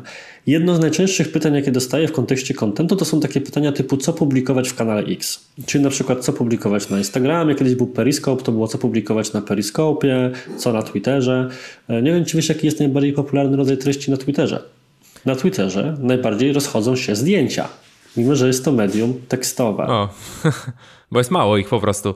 Tak, na nie wiem, na Instagram Stories czy na Stories w ogóle świetnie sprawdzają się materiały, taki tak zwany backstage, czyli od zaplecza. Tak, I tak. czym to się różni? Wiesz, dla mnie content to formaty. Mogę mieć format typu pokazuję, jak firma działa od zaplecza i realizuję go na Instagram Stories w taki sposób, w jaki Stories mi to pokaza, za, po, pozwala zaprezentować od strony technicznej. Następnie mogę zrobić świetny filmik na YouTube, który będzie miał kilka minut i pokazywał firmę, jak działamy, a mogę z tego zrobić artykuł na bloga. Czyli ja pewną treść, która wiem, że jest formatem, który ludzie lubią, adaptuję do możliwości technicznych danego portalu. I podobnie jest z kampanią promocyjną. Ja mam swoją listę obiekcji, swoją listę argumentów sprzedażowych, które z kolei mówią, czemu to jest warte, i teraz szukam, jak te wszystkie możliwości w zakresie danego akurat algorytmu reklamowego pożenić z tym, co wiem, że chcę powiedzieć. I tak do takiego myślenia zachęcam, bo to jest to jedyne właściwe. Jakie są najczęstsze błędy, jakie ludzie popełniają? Pomijając już to, co powiedziałeś, czyli to myślenie narzędziowe, że ja muszę to narzędzie, a potem co tam wpiszę, co tej reklamy, to nie ma, nie ma znaczenia, bo to jest jednak kluczowe. E, czy są jakieś inne rzeczy, które często widzisz u ludzi? Tak, myślę, że osoby początkujące za mało skupiają się na jakby to powiedzieć, odpowiedniej strukturze swoich kampanii. Czyli wychodzą z takiego założenia, że na przykład na Google stworzą jedną kampanię, w ramach tej kampanii do jednej grupy reklam wrzucą wszystkie słowa kluczowe, które ich interesują i system z jakiegoś powodu pomoże im w tym momencie dobrze działać. To jest oczywiście błąd, ponieważ na Google generalnie, tak trochę upraszczając, ale im bardziej skomplikowana i drobiazgowa struktura, tym lepiej na tym wyjdziesz. Czy to są pewne błędy wynikające z nieznajomości po prostu systemu? Natomiast jest jeszcze drugi ciekawy błąd, mianowicie błąd ludzi, którzy z kolei są już wyedukowani. Czyli osoby, które postanowią czytać na jakiś temat, rozwijać e, swoją wiedzę w zakresie tego, jak działają te reklamy płatne, nie biorą często pod uwagę, że różnego rodzaju rady albo artykuły są pisane przez osoby, które operują niekoniecznie w ich świecie i w nich biznesie i w ich budżecie przede wszystkim. Czyli zupełnie inaczej tworzy się reklamę, kiedy masz 500 zł, a inaczej, kiedy masz 5000. Ba, ja częstokroć widzę to po kampaniach, które mamy, że dużo prościej jest coś sprzedać, na, nawet na dużą skalę, kiedy masz 100 tysięcy złotych miesięcznie budżetu, a takimi też operujemy, a dużo trudniej, kiedy masz 500. I przełożenie taktyk, które działają, kiedy masz 100 tysięcy na kampanię, która ma 500 zł, to jest droga donikąd, bo zupełnie inaczej wówczas tworzy się kampanię. Moja zazwyczaj rada, czy błąd, który widzę jest taki, że ludzie mają tendencję do przekomplikowywania. Czyli chcieliby stworzyć i testować jednocześnie kilkanaście bądź kilkadziesiąt wariantów grup docelowych, no bo żeby znaleźć na przykład te jedno idealne zainteresowanie czy jedno idealne słowo kluczowe, natomiast biorąc pod uwagę, że nie mają na to budżetu, powinni pogodzić się z tym, że ich targetowanie, w sensie dobór grupy docelowej, będzie średni, nie do końca dokładny, mhm. ale dzięki temu uzyskają odpowiednią skalę działań. Ponieważ to, to jest, to mechanika działania jest bardzo prosta, czyli system potrzebuje tych kilkunastu złotych dziennie chociażby, żeby pokazać Twoje reklamy odpowiednio dużej liczbie ludzi, żeby na podstawie ich reakcji nauczyć się, czy ta część grupy reaguje na nie dobrze, czy źle. Jeżeli będziesz miał bardzo sfragmentaryzowaną kampanię, czyli dużo grup docelowych, to przy mniejszych budżetach wyjdą ci kwoty rzędu 2-3 zł dziennie. A to jest stanowczo za mało, jeżeli przeciętny koszt tysiąca wyświetleń to 5 do 8 złotych. Więc nagle się okaże, że Twoją reklamę widzi kilkaset osób dziennie. Z tych kilkaset to może dwie klikną i na podstawie dwóch kliknięć system reklamowy nie nauczy się, komu ta reklama się spodoba czy nie. Czyli próbując zrobić test, próbując sobie pomóc, bardziej sobie szkodzisz. Trzeba po prostu e, eat a humble pie, jak to mówią Amerykanie czy Anglosasi, i puścić to w miarę szeroko, i pozwolić algorytmowi robić robotę. Czyli to jest takie trochę mariaż sztucznej inteligencji z naszą własną. Więc z jednej strony mamy albo nadmierne uproszczenie, czyli jak zrobię jedną reklamę z jedną grupą, to będzie idealnie i to jest pierwszy błąd. Natomiast później jest błąd kogoś, kto się już wyedukował, który jest e, na drugim końcu skali. To ja teraz będę robił bardzo dokładnie, bardzo dużo, bardzo wąsko i to jest też droga donikąd. Prawda leży, jak się okazuje, po środku. Po środku, jak zwykle. E, są jakieś, e, nie wiem, rekomendacje powiedzmy, jeżeli by, byśmy chcieli reklamować e, jakiś startup e, czy ap aplikację, coś tego, tego typu biznesy, już nie, pomijając grupę docelową, załóżmy, że ta grupa docelowa jest faktycznie na Facebooku, bo u mnie to bywa różnie, bo chodzę sobie czasami po agencjach i rozmawiam z tymi ludźmi po prostu twarzą w twarz i, i pan mówi, że on nie ma Facebooka, on nie lubi Facebooka, więc naturalnie moja reklama do niego nie dotarła. Ale ogólnie e, jakby czy, czy masz jakieś rekomendacje, nie wiem, czy wiesz o tym, że na przykład coś fajnie działa e, w przypadku startupów e, technologicznych, tak? E, tutaj możemy powiedzieć aplikacji na przykład. Mm, znaczy no, e, masz dedykowane cele reklamowe, które możesz sobie oczywiście wykorzystać. W przypadku aplikacji mobilnych jest to po prostu cel instalacji aplikacji i na pewno jest to coś, z czego warto korzystać, gdyż zgodnie z tym, co mówiliśmy wcześniej, wówczas właśnie algorytm szuka osób, które często i z większym prawdopodobieństwem będą instalowały taką aplikację. Natomiast no, ponownie moglibyśmy się cofnąć, że to jest tak naprawdę pytanie, jeżeli grupa tam jest, o to, w jaki sposób swoją aplikację chcesz zaprezentować. Z aplikacjami zazwyczaj jest problem, bo mam wrażenie, że im bardziej skomplikowany skomplikowany technologicznie problem, e, produkt, przepraszam, tym trudniej ludziom wyjaśnić na zasadzie, na czym mhm. polega jego korzyść. Mhm. Ja kiedyś robiłem o tym prezentację na przykładzie aplikacji do przechowywania danych w chmurze. I 8 na 10 aplikacji, które oglądałem, reklamowały się w stylu dajemy ci 10 gigabajtów darmowego miejsca i jedynym punktem dyferencjacji były wyścigi na to, kto da więcej ten da gigabajt, ten 10, ten 100, a ten terabajt. Chyba mega w końcu zamiotło rynek, dając te największe największe darmowe przestrzenie. Tylko, że to nie jest e, powód, dla którego miałbyś korzystać. Oczywiście jest część ludzi, którą skusi wyłącznie miejsce, natomiast w chmurze chodzi o coś innego. Chodzi albo o bezpieczeństwo, albo o dostęp gdziekolwiek jesteś. I jak się spojrzy, jak wygląda hasło reklamowe Dropboxa, to przez długi czas to było Your Files Anywhere. Mhm. I, to, I nie było tam mowy o tym, ile dostajesz, to się to pojawiało się dopiero później, natomiast ten punkt dyferencjacji był inny.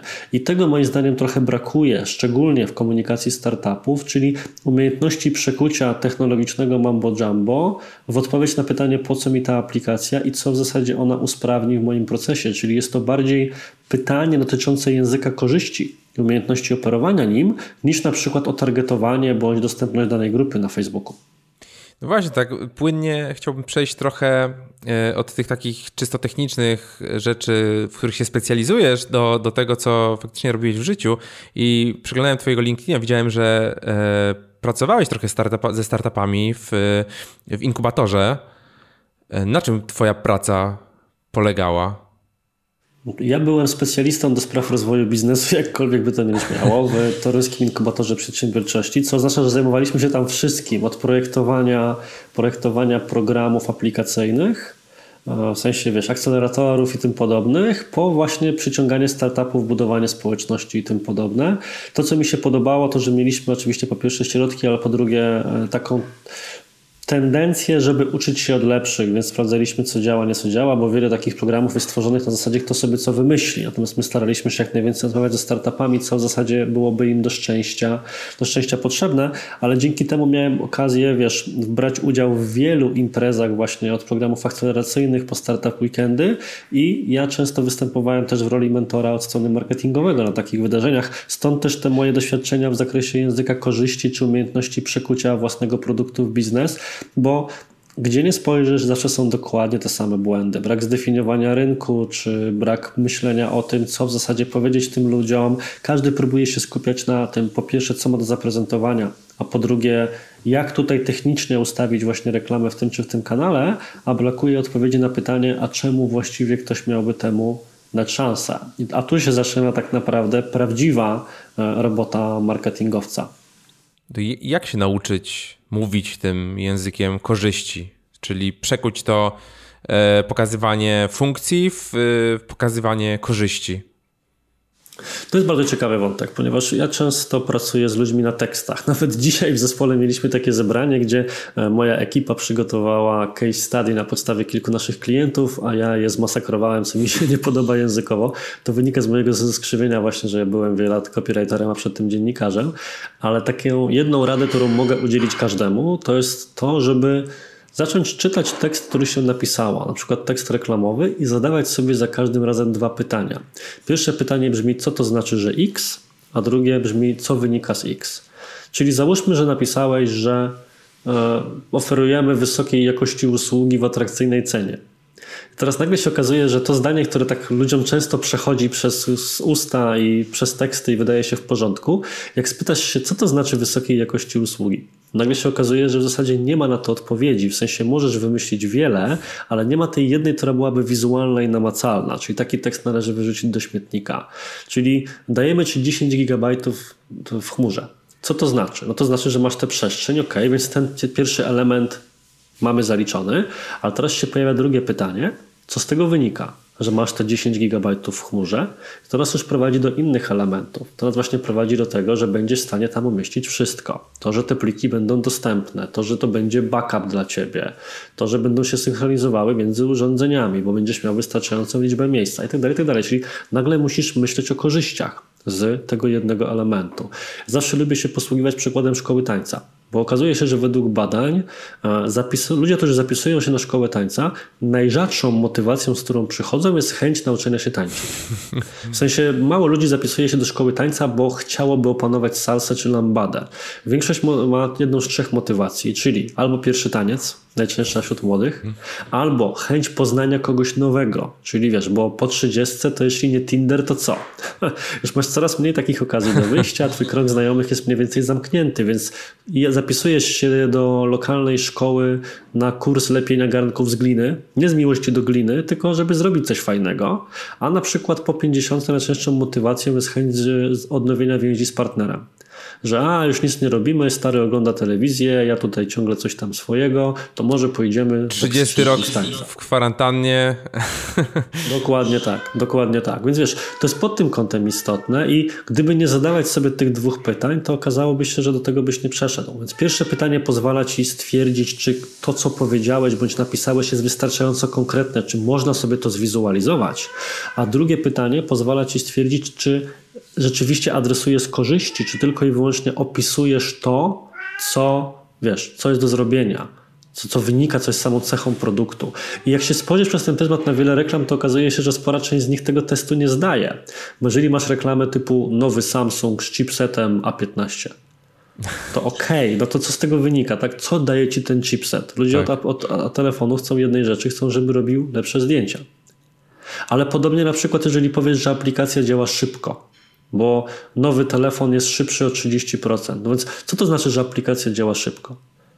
Jeżeli się spytasz, co to znaczy, że szybko, nagle się okazuje, że słowo szybko nie ma żadnego określnika, który pozwoliłby ci stwierdzić. Jak powiesz 20% szybciej, to ci już coś mówi. Ale możesz też to podać inaczej. Na przykład, że nie zdążysz oderwać palca od ekranu, a ona już działa. I to już jest dużo bardziej wizualny sposób przedstawienia tego, coś, co człowiek widzi obraz w głowie, kiedy coś takiego przeczyta. Więc to są takie elementy, nad którymi warto przede wszystkim pracować w zakresie komunikacji. I to od tekstów przez pisanie maili do klientów po dowolną inną formę prezentacji rzeczy. No tak, tak jak słynne, e, słynne powiedzenie, czy slogan reklamowy e, iPoda, tysiąc piosenek w twojej kieszeni, tak? Oczywiście, oczywiście, to nie było iPod, 1024 tak, megabajty tak. przestrzeni na twoje dźwięki, tylko dokładnie tysiąc piosenek w twojej kieszeni. Bo to idealnie spełnia kryterium e, wizualności i jest, jesteś sobie w stanie to wyobrazić. To jest w ogóle czysto wzięte z Hemingwaya, że właśnie, że jesteś w stanie coś wyobrazić, kiedy to czytasz, to, zna, to do ciebie to dużo lepiej trafia. Tak, trochę inne części mózgu działają.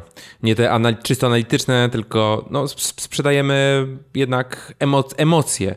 Tak? Często ludzie kupują emocje i nawet potem nie korzystają z tego produktu, ale mimo tego są zadowoleni, że kupili, bo przeżyli coś. Tak? E, no i cóż, no ja chętnie bym sobie teraz pochodził po galerii, żeby na przykład poradzić sobie ze stresem, kupując kilka fajnych rzeczy. Zresztą myślę, że tak jest. Zwróć uwagę, tak. że klienci e-commerce'owi, z którymi pracujemy, póki co na pandemii sobie nie krzywdują, bo co, ludzie siedzą w domu i trochę pewnie z nudów, a trochę może właśnie, żeby załagodzić sobie stres, zaczynają robić shopping, tyle że online. No tak. A powiedz mi, tak mnie e, ciekawi, co cię e, motywowało, e, co, co sobie myślałeś, jak szedłeś na polonistykę? Studiowałeś polonistykę, tak?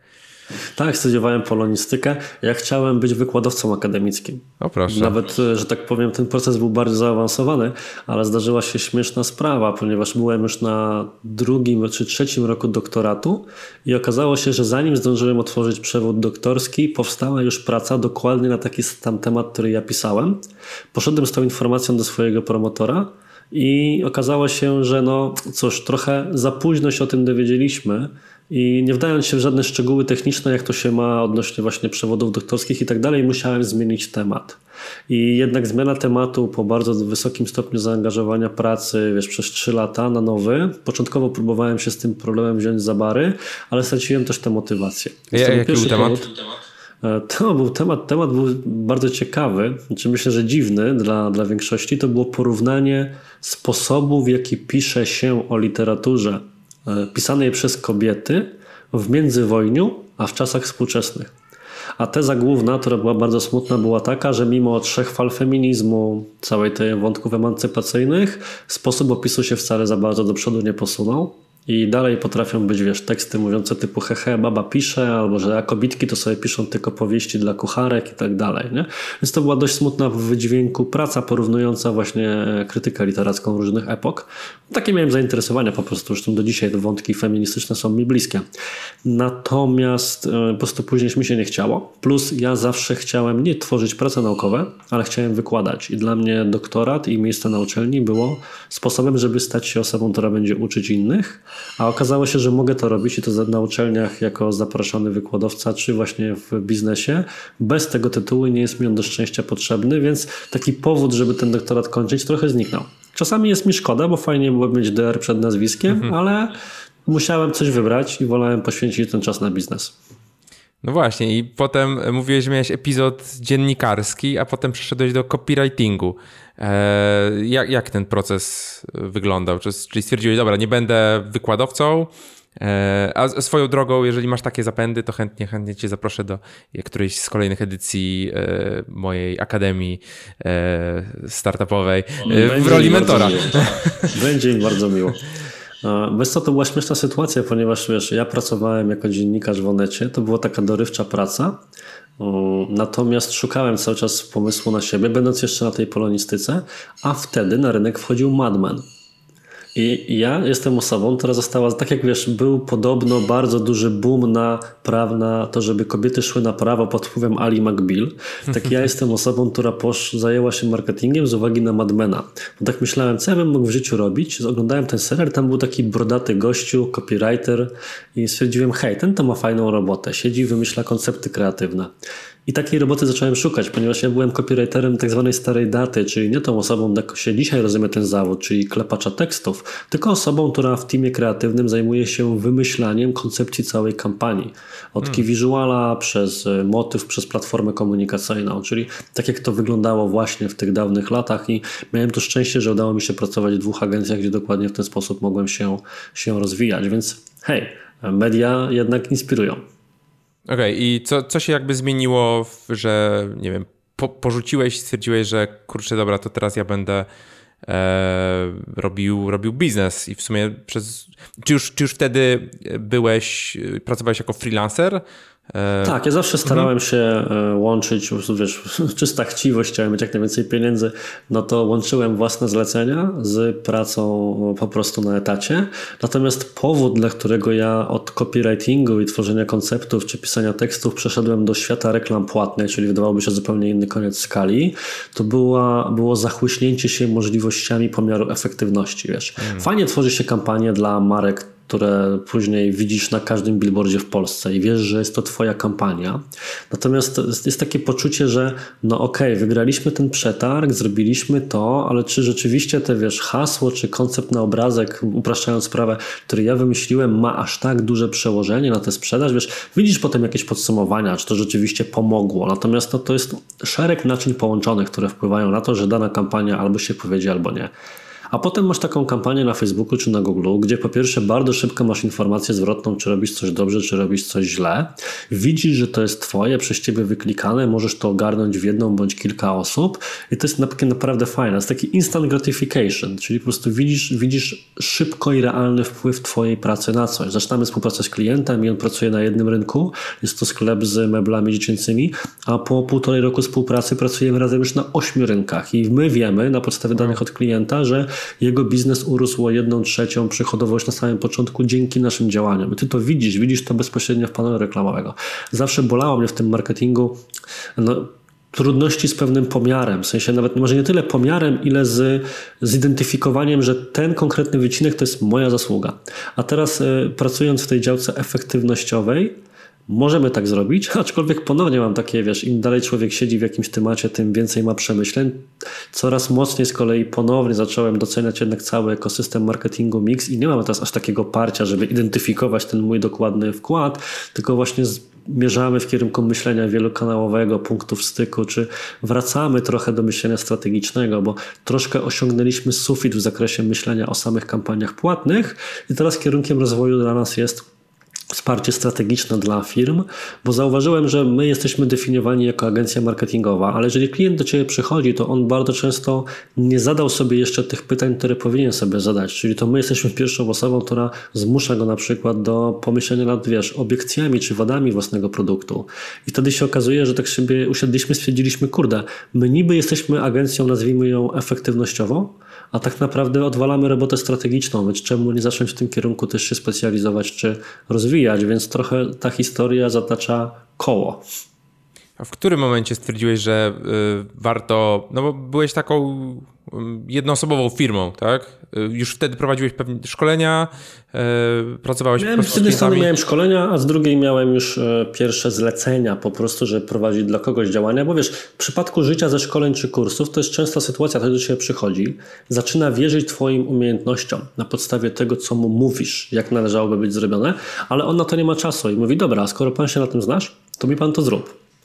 Więc ja zacząłem takie rzeczy robić ale w końcu zaczynało mi brakować mocy przerobowych, więc musiałem pomyśleć o tym, żeby budować zespół. Długo walczyłem ze sobą.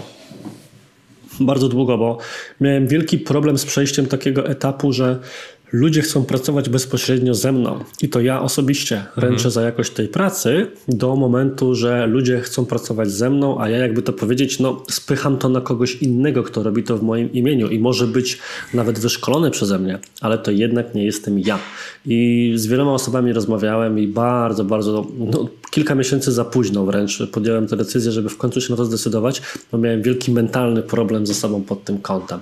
Natomiast teraz wiem po prostu, że to ja jestem tym gwarantem jakości dla tych ludzi, że oni przychodzą, bo dowiedzą się o mnie albo czegoś ode mnie, natomiast wiedzą, że jeżeli ja z kimś pracuję, są to moi ludzie, to oni są nawet lepsi ode mnie i ja ręczę za jakość ich pracy, co zresztą jest, bo moja firma czy moja, moja agencja jest zbudowana całkowicie na moim nazwisku. Mam kolegę Adriana Gorzyckiego, autora kanału Przygody Przedsiębiorców, który wprost mówi, że on bardzo lubi, kiedy e, szuka kogoś do współpracy, do szukania osób, które jednocześnie są widoczne mocno w sieci, bo taka osoba nie może sobie pozwolić na potknięcia czy nadawanie ciała. Bo jeżeli masz firmę krzak, która dzisiaj się nazywa Szwagropol, a jutro będzie się nazywała Szwagrex, to wiesz, zwijasz biznes, robisz nową markę i haja. Nic tam za tobą za bardzo smród się nie ciągnie, mówiąc brzydko. Natomiast jeżeli masz firmę zbudowaną na własnym nazwisku, to wszystko, co firma zrobi źle, odbija się bezpośrednio na tobie, więc musisz dużo mocniej zajmować się gwarantowaniem jakości, więc to też mi pomogło e, jednak mimo wszystko na ten krok się zdecydować, bo wiedziałem, że będę tego po prostu doglądał. Jak się zmieniła w ogóle twoja praca e, w momencie jakby tego shiftu Teraz mówisz, ile macie osób? Ja jeszcze byłem na Teraz etapie, że macie 20 osób. 23 osoby. 23 osoby. Tak, bo my się nie skalujemy. E, w tym momencie zakładam, że to wygląda zupełnie inaczej niż na początku. Nie wiem, czy pracujesz jeszcze na takich klienckich projektach? E, rzadko. Rzadko. To nie ma co się oszukiwać. Na tym poziomie zajmuję się pracą nad firmą, a nie w firmie. No właśnie. Ja staram się, e, po, po, po, pierwsze, część kampanii, ale to bardziej kampanii dla siebie prowadzę dalej sam. Nie zlecam temu nikogo nawet wewnątrz zespołu, bo żeby po pierwsze mieć na bieżąco. Plus my też w firmie mamy coś takiego, że robimy sobie nawzajem audyty własnych kampanii, w których ja również staram się brać udział, czyli przyglądamy się, co kto jak ma ustawione. Robimy sobie też, mamy bardzo mocno rozbudowany ekosystem dzielenia się wiedzą w zespole. Robimy prezentacje, każdy robi robi ze swojej działki, e, sprawozdania z klientów, takie historie sukcesu, co się udało, co się nie udało, właśnie po to, żeby dzielić się na bieżąco uwagami, informacjami i żeby wszyscy byli on the same page, jak to się ponownie ładnie w świecie anglosaskim mówi, bo uważam, że to jest moim obowiązkiem żeby takie rzeczy wiedzieć i nie być tylko gościem, który właśnie patrzy z zewnątrz i czegoś dopilnowuje. Natomiast no jednak dla mnie przede wszystkim teraz są zadania czysto na poziomie zarządczym i bardziej zajmowanie się sprawdzaniem komunikacji, kierunkami strategicznymi, rozwój biznesu. W sumie mnie to jara, no bo jednak po kilku latach klikania reklam na Facebooku. Nie chcę powiedzieć, że wiesz, wiem wszystko w tym temacie, bo na pewno nie. Natomiast pewien, e, jest mi już bardzo trudno znaleźć coś, co mnie realnie zaskoczy. Bardziej po prostu kwestie, które mhm. Facebook zaczyna zmieniać, no tak. czy Instagram, czy któryś z tych paneli, a dużo bardziej kręci mnie osobiście odkrywanie świata dla mnie nowego, jakim na przykład jest właśnie dbanie o to, żeby ludzie w firmie wymieniali się informacjami. Jakbym miał wskazać jedną rzecz, która w firmach nie działa przeważnie, to jest to komunikacja wewnętrzna.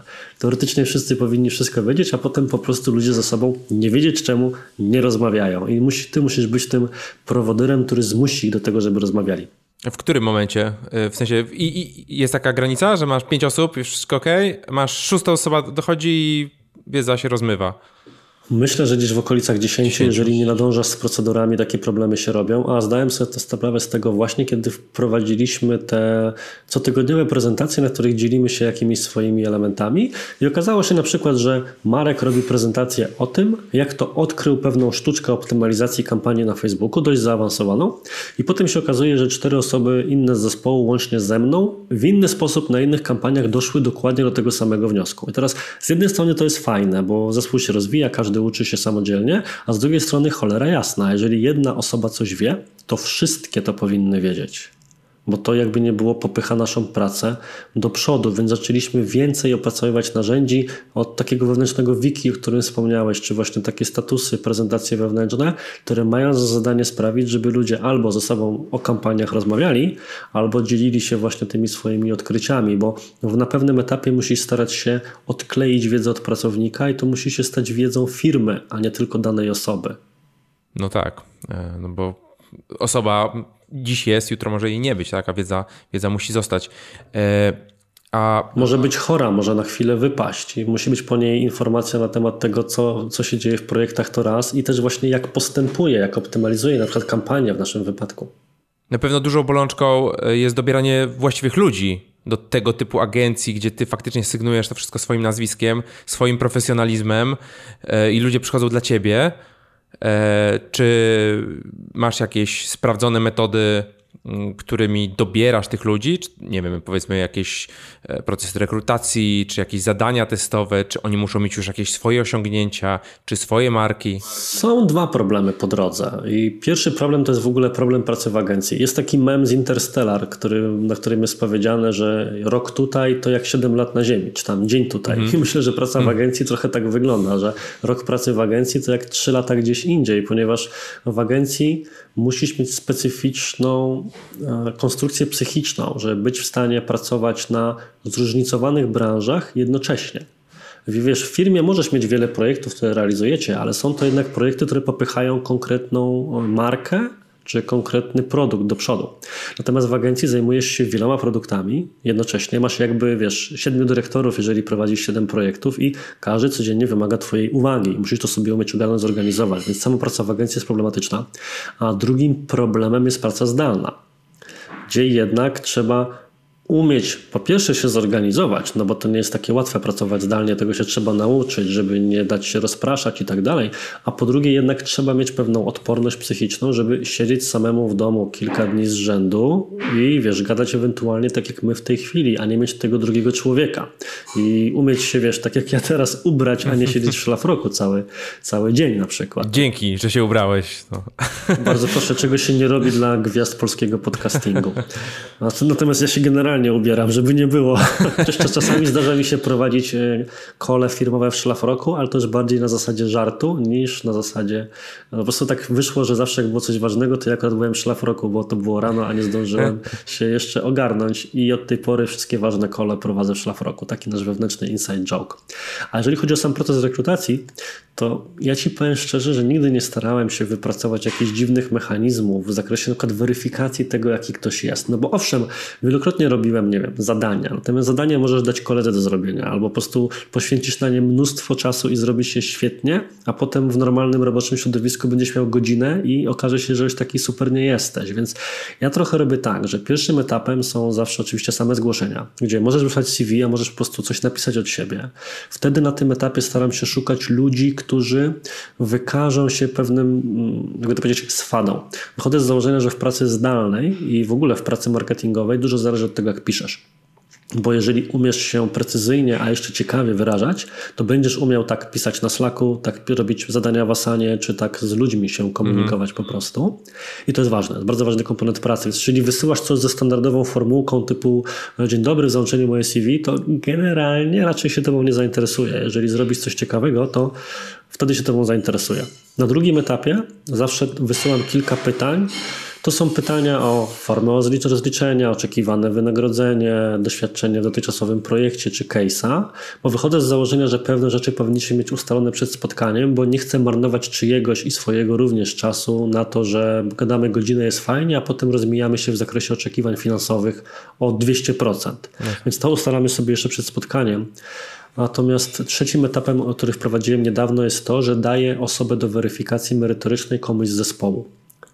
Najczęściej to wygląda w ten sposób, że któryś specjalista zadaje kilka pytań merytorycznych albo pokazuje komuś kampanię i mówi mu, no dobra, gdzie byś tu zajrzał, co byś zmienił, co sugerujesz, co ci się rzuca w oczy, żeby zobaczyć, jak ten ktoś myśli. Dopiero finalnym etapem jest rozmowa ze mną, która jest rozmową o, zupełnie niezwiązaną z branżą. E, co lubisz, jaką jesteś osobą, co lubisz w innych ludziach, czego nie lubisz, z kim chciałbyś pracować, z kim nie chciałbyś pracować. I tu mam kilka pytań, które moim zdaniem fajnie otwierają ludzi. Na przykład jednym z moich ulubionych pytań jest, e, czy powiedziałbyś, że jesteś osobą, która ma szczęście? Dlatego, że jeżeli ktoś powie ci, że no nie, on zawsze ma pecha, to ci też dużo mówi o tym, czy ta osoba jest zewnątrz sterowna, czy wewnątrz sterowna, czy uważa się za kowala własnego losu, czy nie. Ale też to jest dobre pytanie, które jest testem na skromność. Może ktoś ci będzie mówił o tym, że zawsze ma świetne wyniki i w ogóle i tak dalej, nagle się okaże, że on trochę nie docenia roli zespołu. Ja bardzo lubię ludzi, ponieważ sam jestem taką osobą, która wychodzi z założenia i na takie pytanie odpowie rzeczy w stylu, że no mam szczęście, bo na przykład w poprzedniej pracy pracowałem z ludźmi takimi, takimi i gdyby nie oni, nie osiągnęli moglibyśmy tego i tego, to, to ci dużo mówi, czyli wiesz, mówi ci o tym, jak ta osoba myśli o sobie, a o zespole. Więc no, ze mną rozmowa jest właśnie bardziej o zainteresowaniach, czy lubisz Marvela, czy DC, co lubisz w jakichś bohaterach i tak dalej, i tak dalej. I zazwyczaj jest tak, że już po pierwszych kilku minutach wiem, czy z daną osobą będę chciał współpracować, czy nie. I na tych kilkadziesiąt rekrutacji, które już za mną, to jakieś ewidentne fakapy mieliśmy dwa razy, więc konwersja jest, jest zadowalająca, tak powiem. Czy ludzie przychodzą e, dla Twojego brandu? To są na ogół osoby, które Cię znają?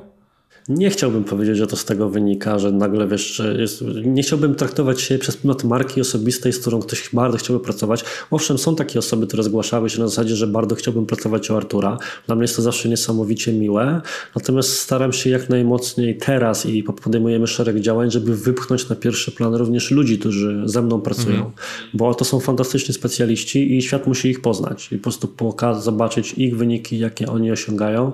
A ja po prostu zajmuję się tutaj zbieraniem tej całej wesołej kompanii i próbą nakierowania ich po prostu na odpowiednie, na odpowiednie tory. Chciałbym, żeby marka Digitalk jako agencji była, nie chcę powiedzieć, że niezależna ode mnie, bo nie jestem na tyle naiwny, żeby wierzyć, że tak się da zrobić, ale żeby ludzie e, mieli inne skojarzenia niż tylko Digitalk agencja Artura Jabłońskiego.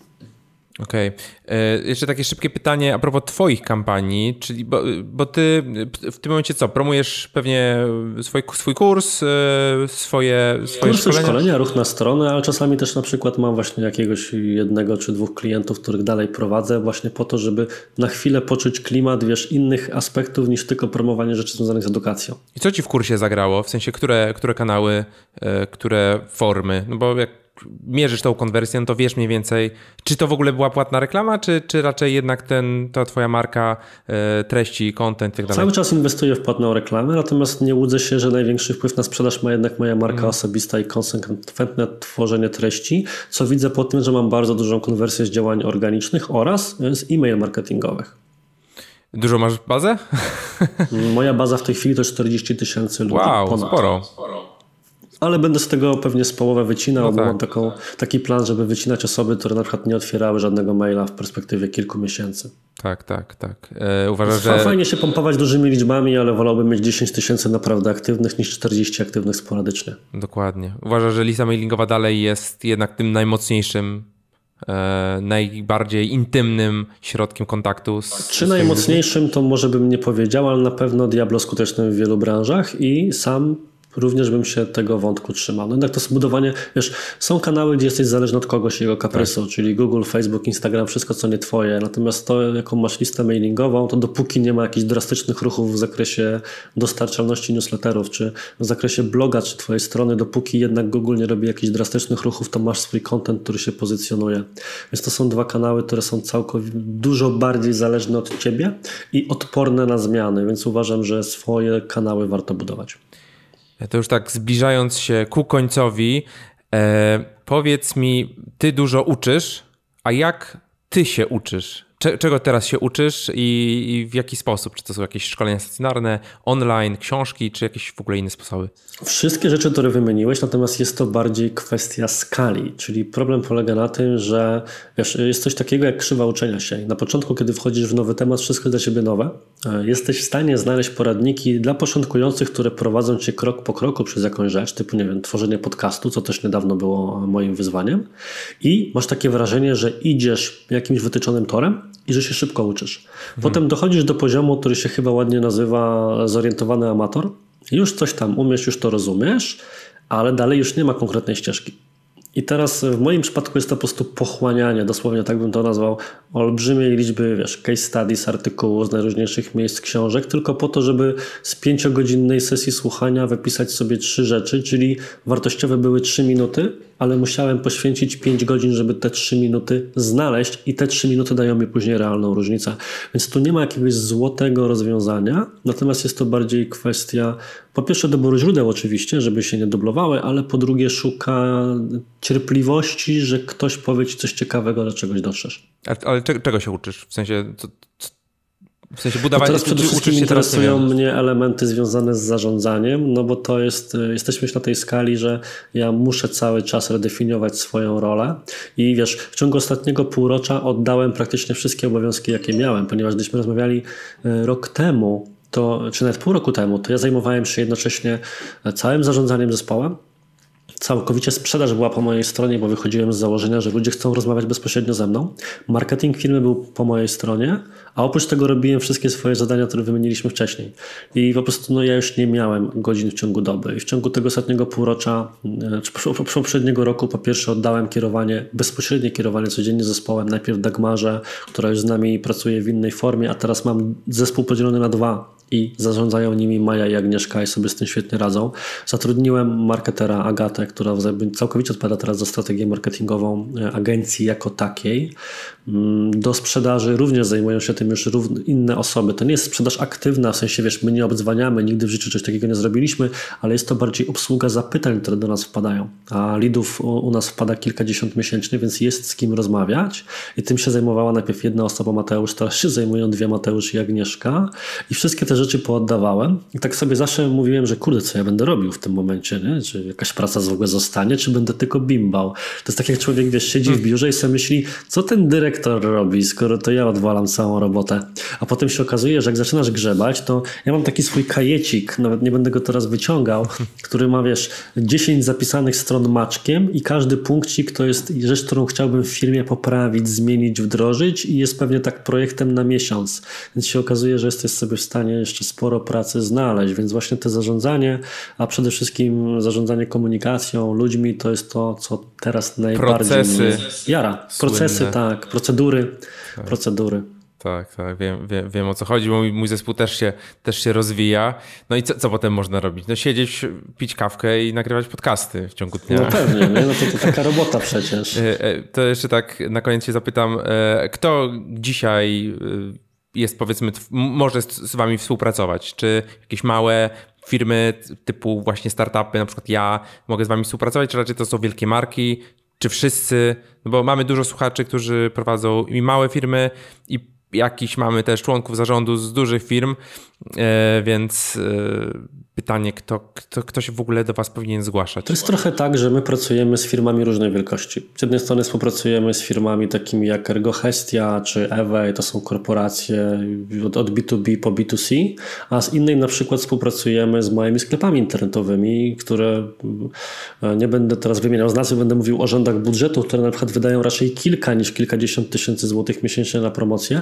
To jest bardziej tak, że jak ktoś się do nas zgłasza, to my e, każdy przypadek rozpatrujemy indywidualnie i z nim rozmawiamy rozmawiamy, bo najpierw musimy zanalizować po pierwsze obecną sytuację danej firmy, czy my jesteśmy w stanie realnie pomóc. Mhm. Staramy się nie wchodzić w tematy tylko do tego, że wiesz, haha, możemy zarobić parę tysięcy, tylko no, nie chcemy mieć przypadków, w których klienci będą odchodzili niezadowoleni.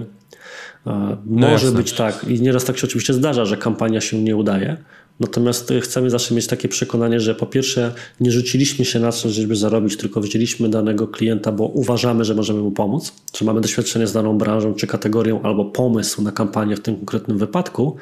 I na przykład zawsze podpinamy się, zanim jeszcze podpiszemy umowy, do różnego rodzaju kanałów klienckich typu Analytics, czy konta Google, czy Facebook, żeby ocenić, co on do tej pory robił i czy my będziemy realnie potrafili to zrobić lepiej. Czyli już na samym początku przed umową patrzymy, czy widzimy, że do tej pory poprzednicy albo sam dany klient popełniał jakieś błędy i my widzimy potencjał na coś innego, więc ciężko jest tu powiedzieć, że mieli jakieś preferencje.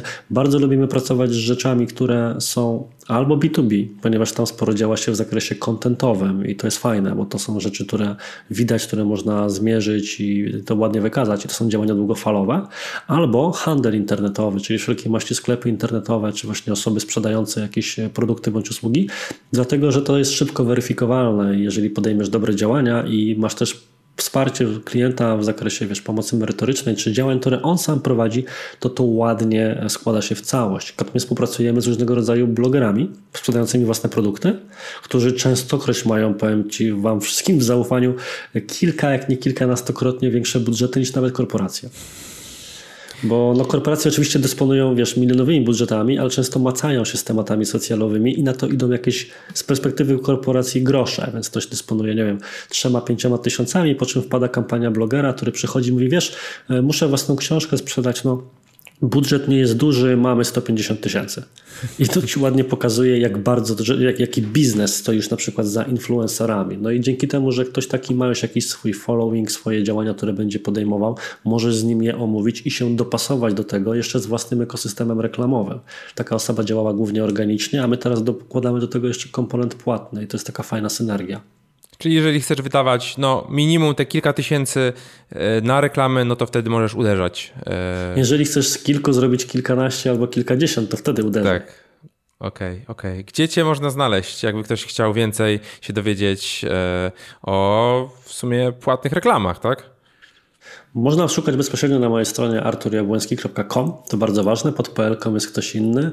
Jest też taka śmieszna no sprawa, no że jak się wpisze, wpisze, wpisze hasło kontakt Facebook e, do Google'a, to ja jestem pierwszym wynikiem wyszukiwania wyżej nawet niż sam Facebook, więc generalnie łatwo jest się na mnie natknąć. SEO, SEO też ogarniacie.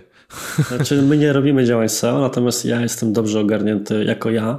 Jest to po prostu efektem dużej pracy, które na to poświęcam, na tworzenie treści i z przyjemnością obserwuję, że one się dobrze rozchodzą, czyli przykładowo teraz zrobiłem artykuł o tym, jak my pracujemy zdalnie, częściowo mówiąc rzeczy, które wymieniliśmy w podcaście i on na ten moment ma blisko 800 udostępnień, więc to dzięki temu myślę ta pozycja w wyszukiwarce rzeczywiście rośnie.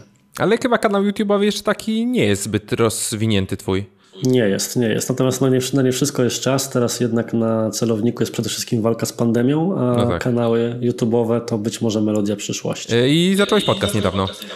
Tak jest. Powoli do, teraz będzie chyba ósmy odcinek. Chyba ósmy, więc jeszcze troszkę mi brakuje do Twojego doświadczenia. O.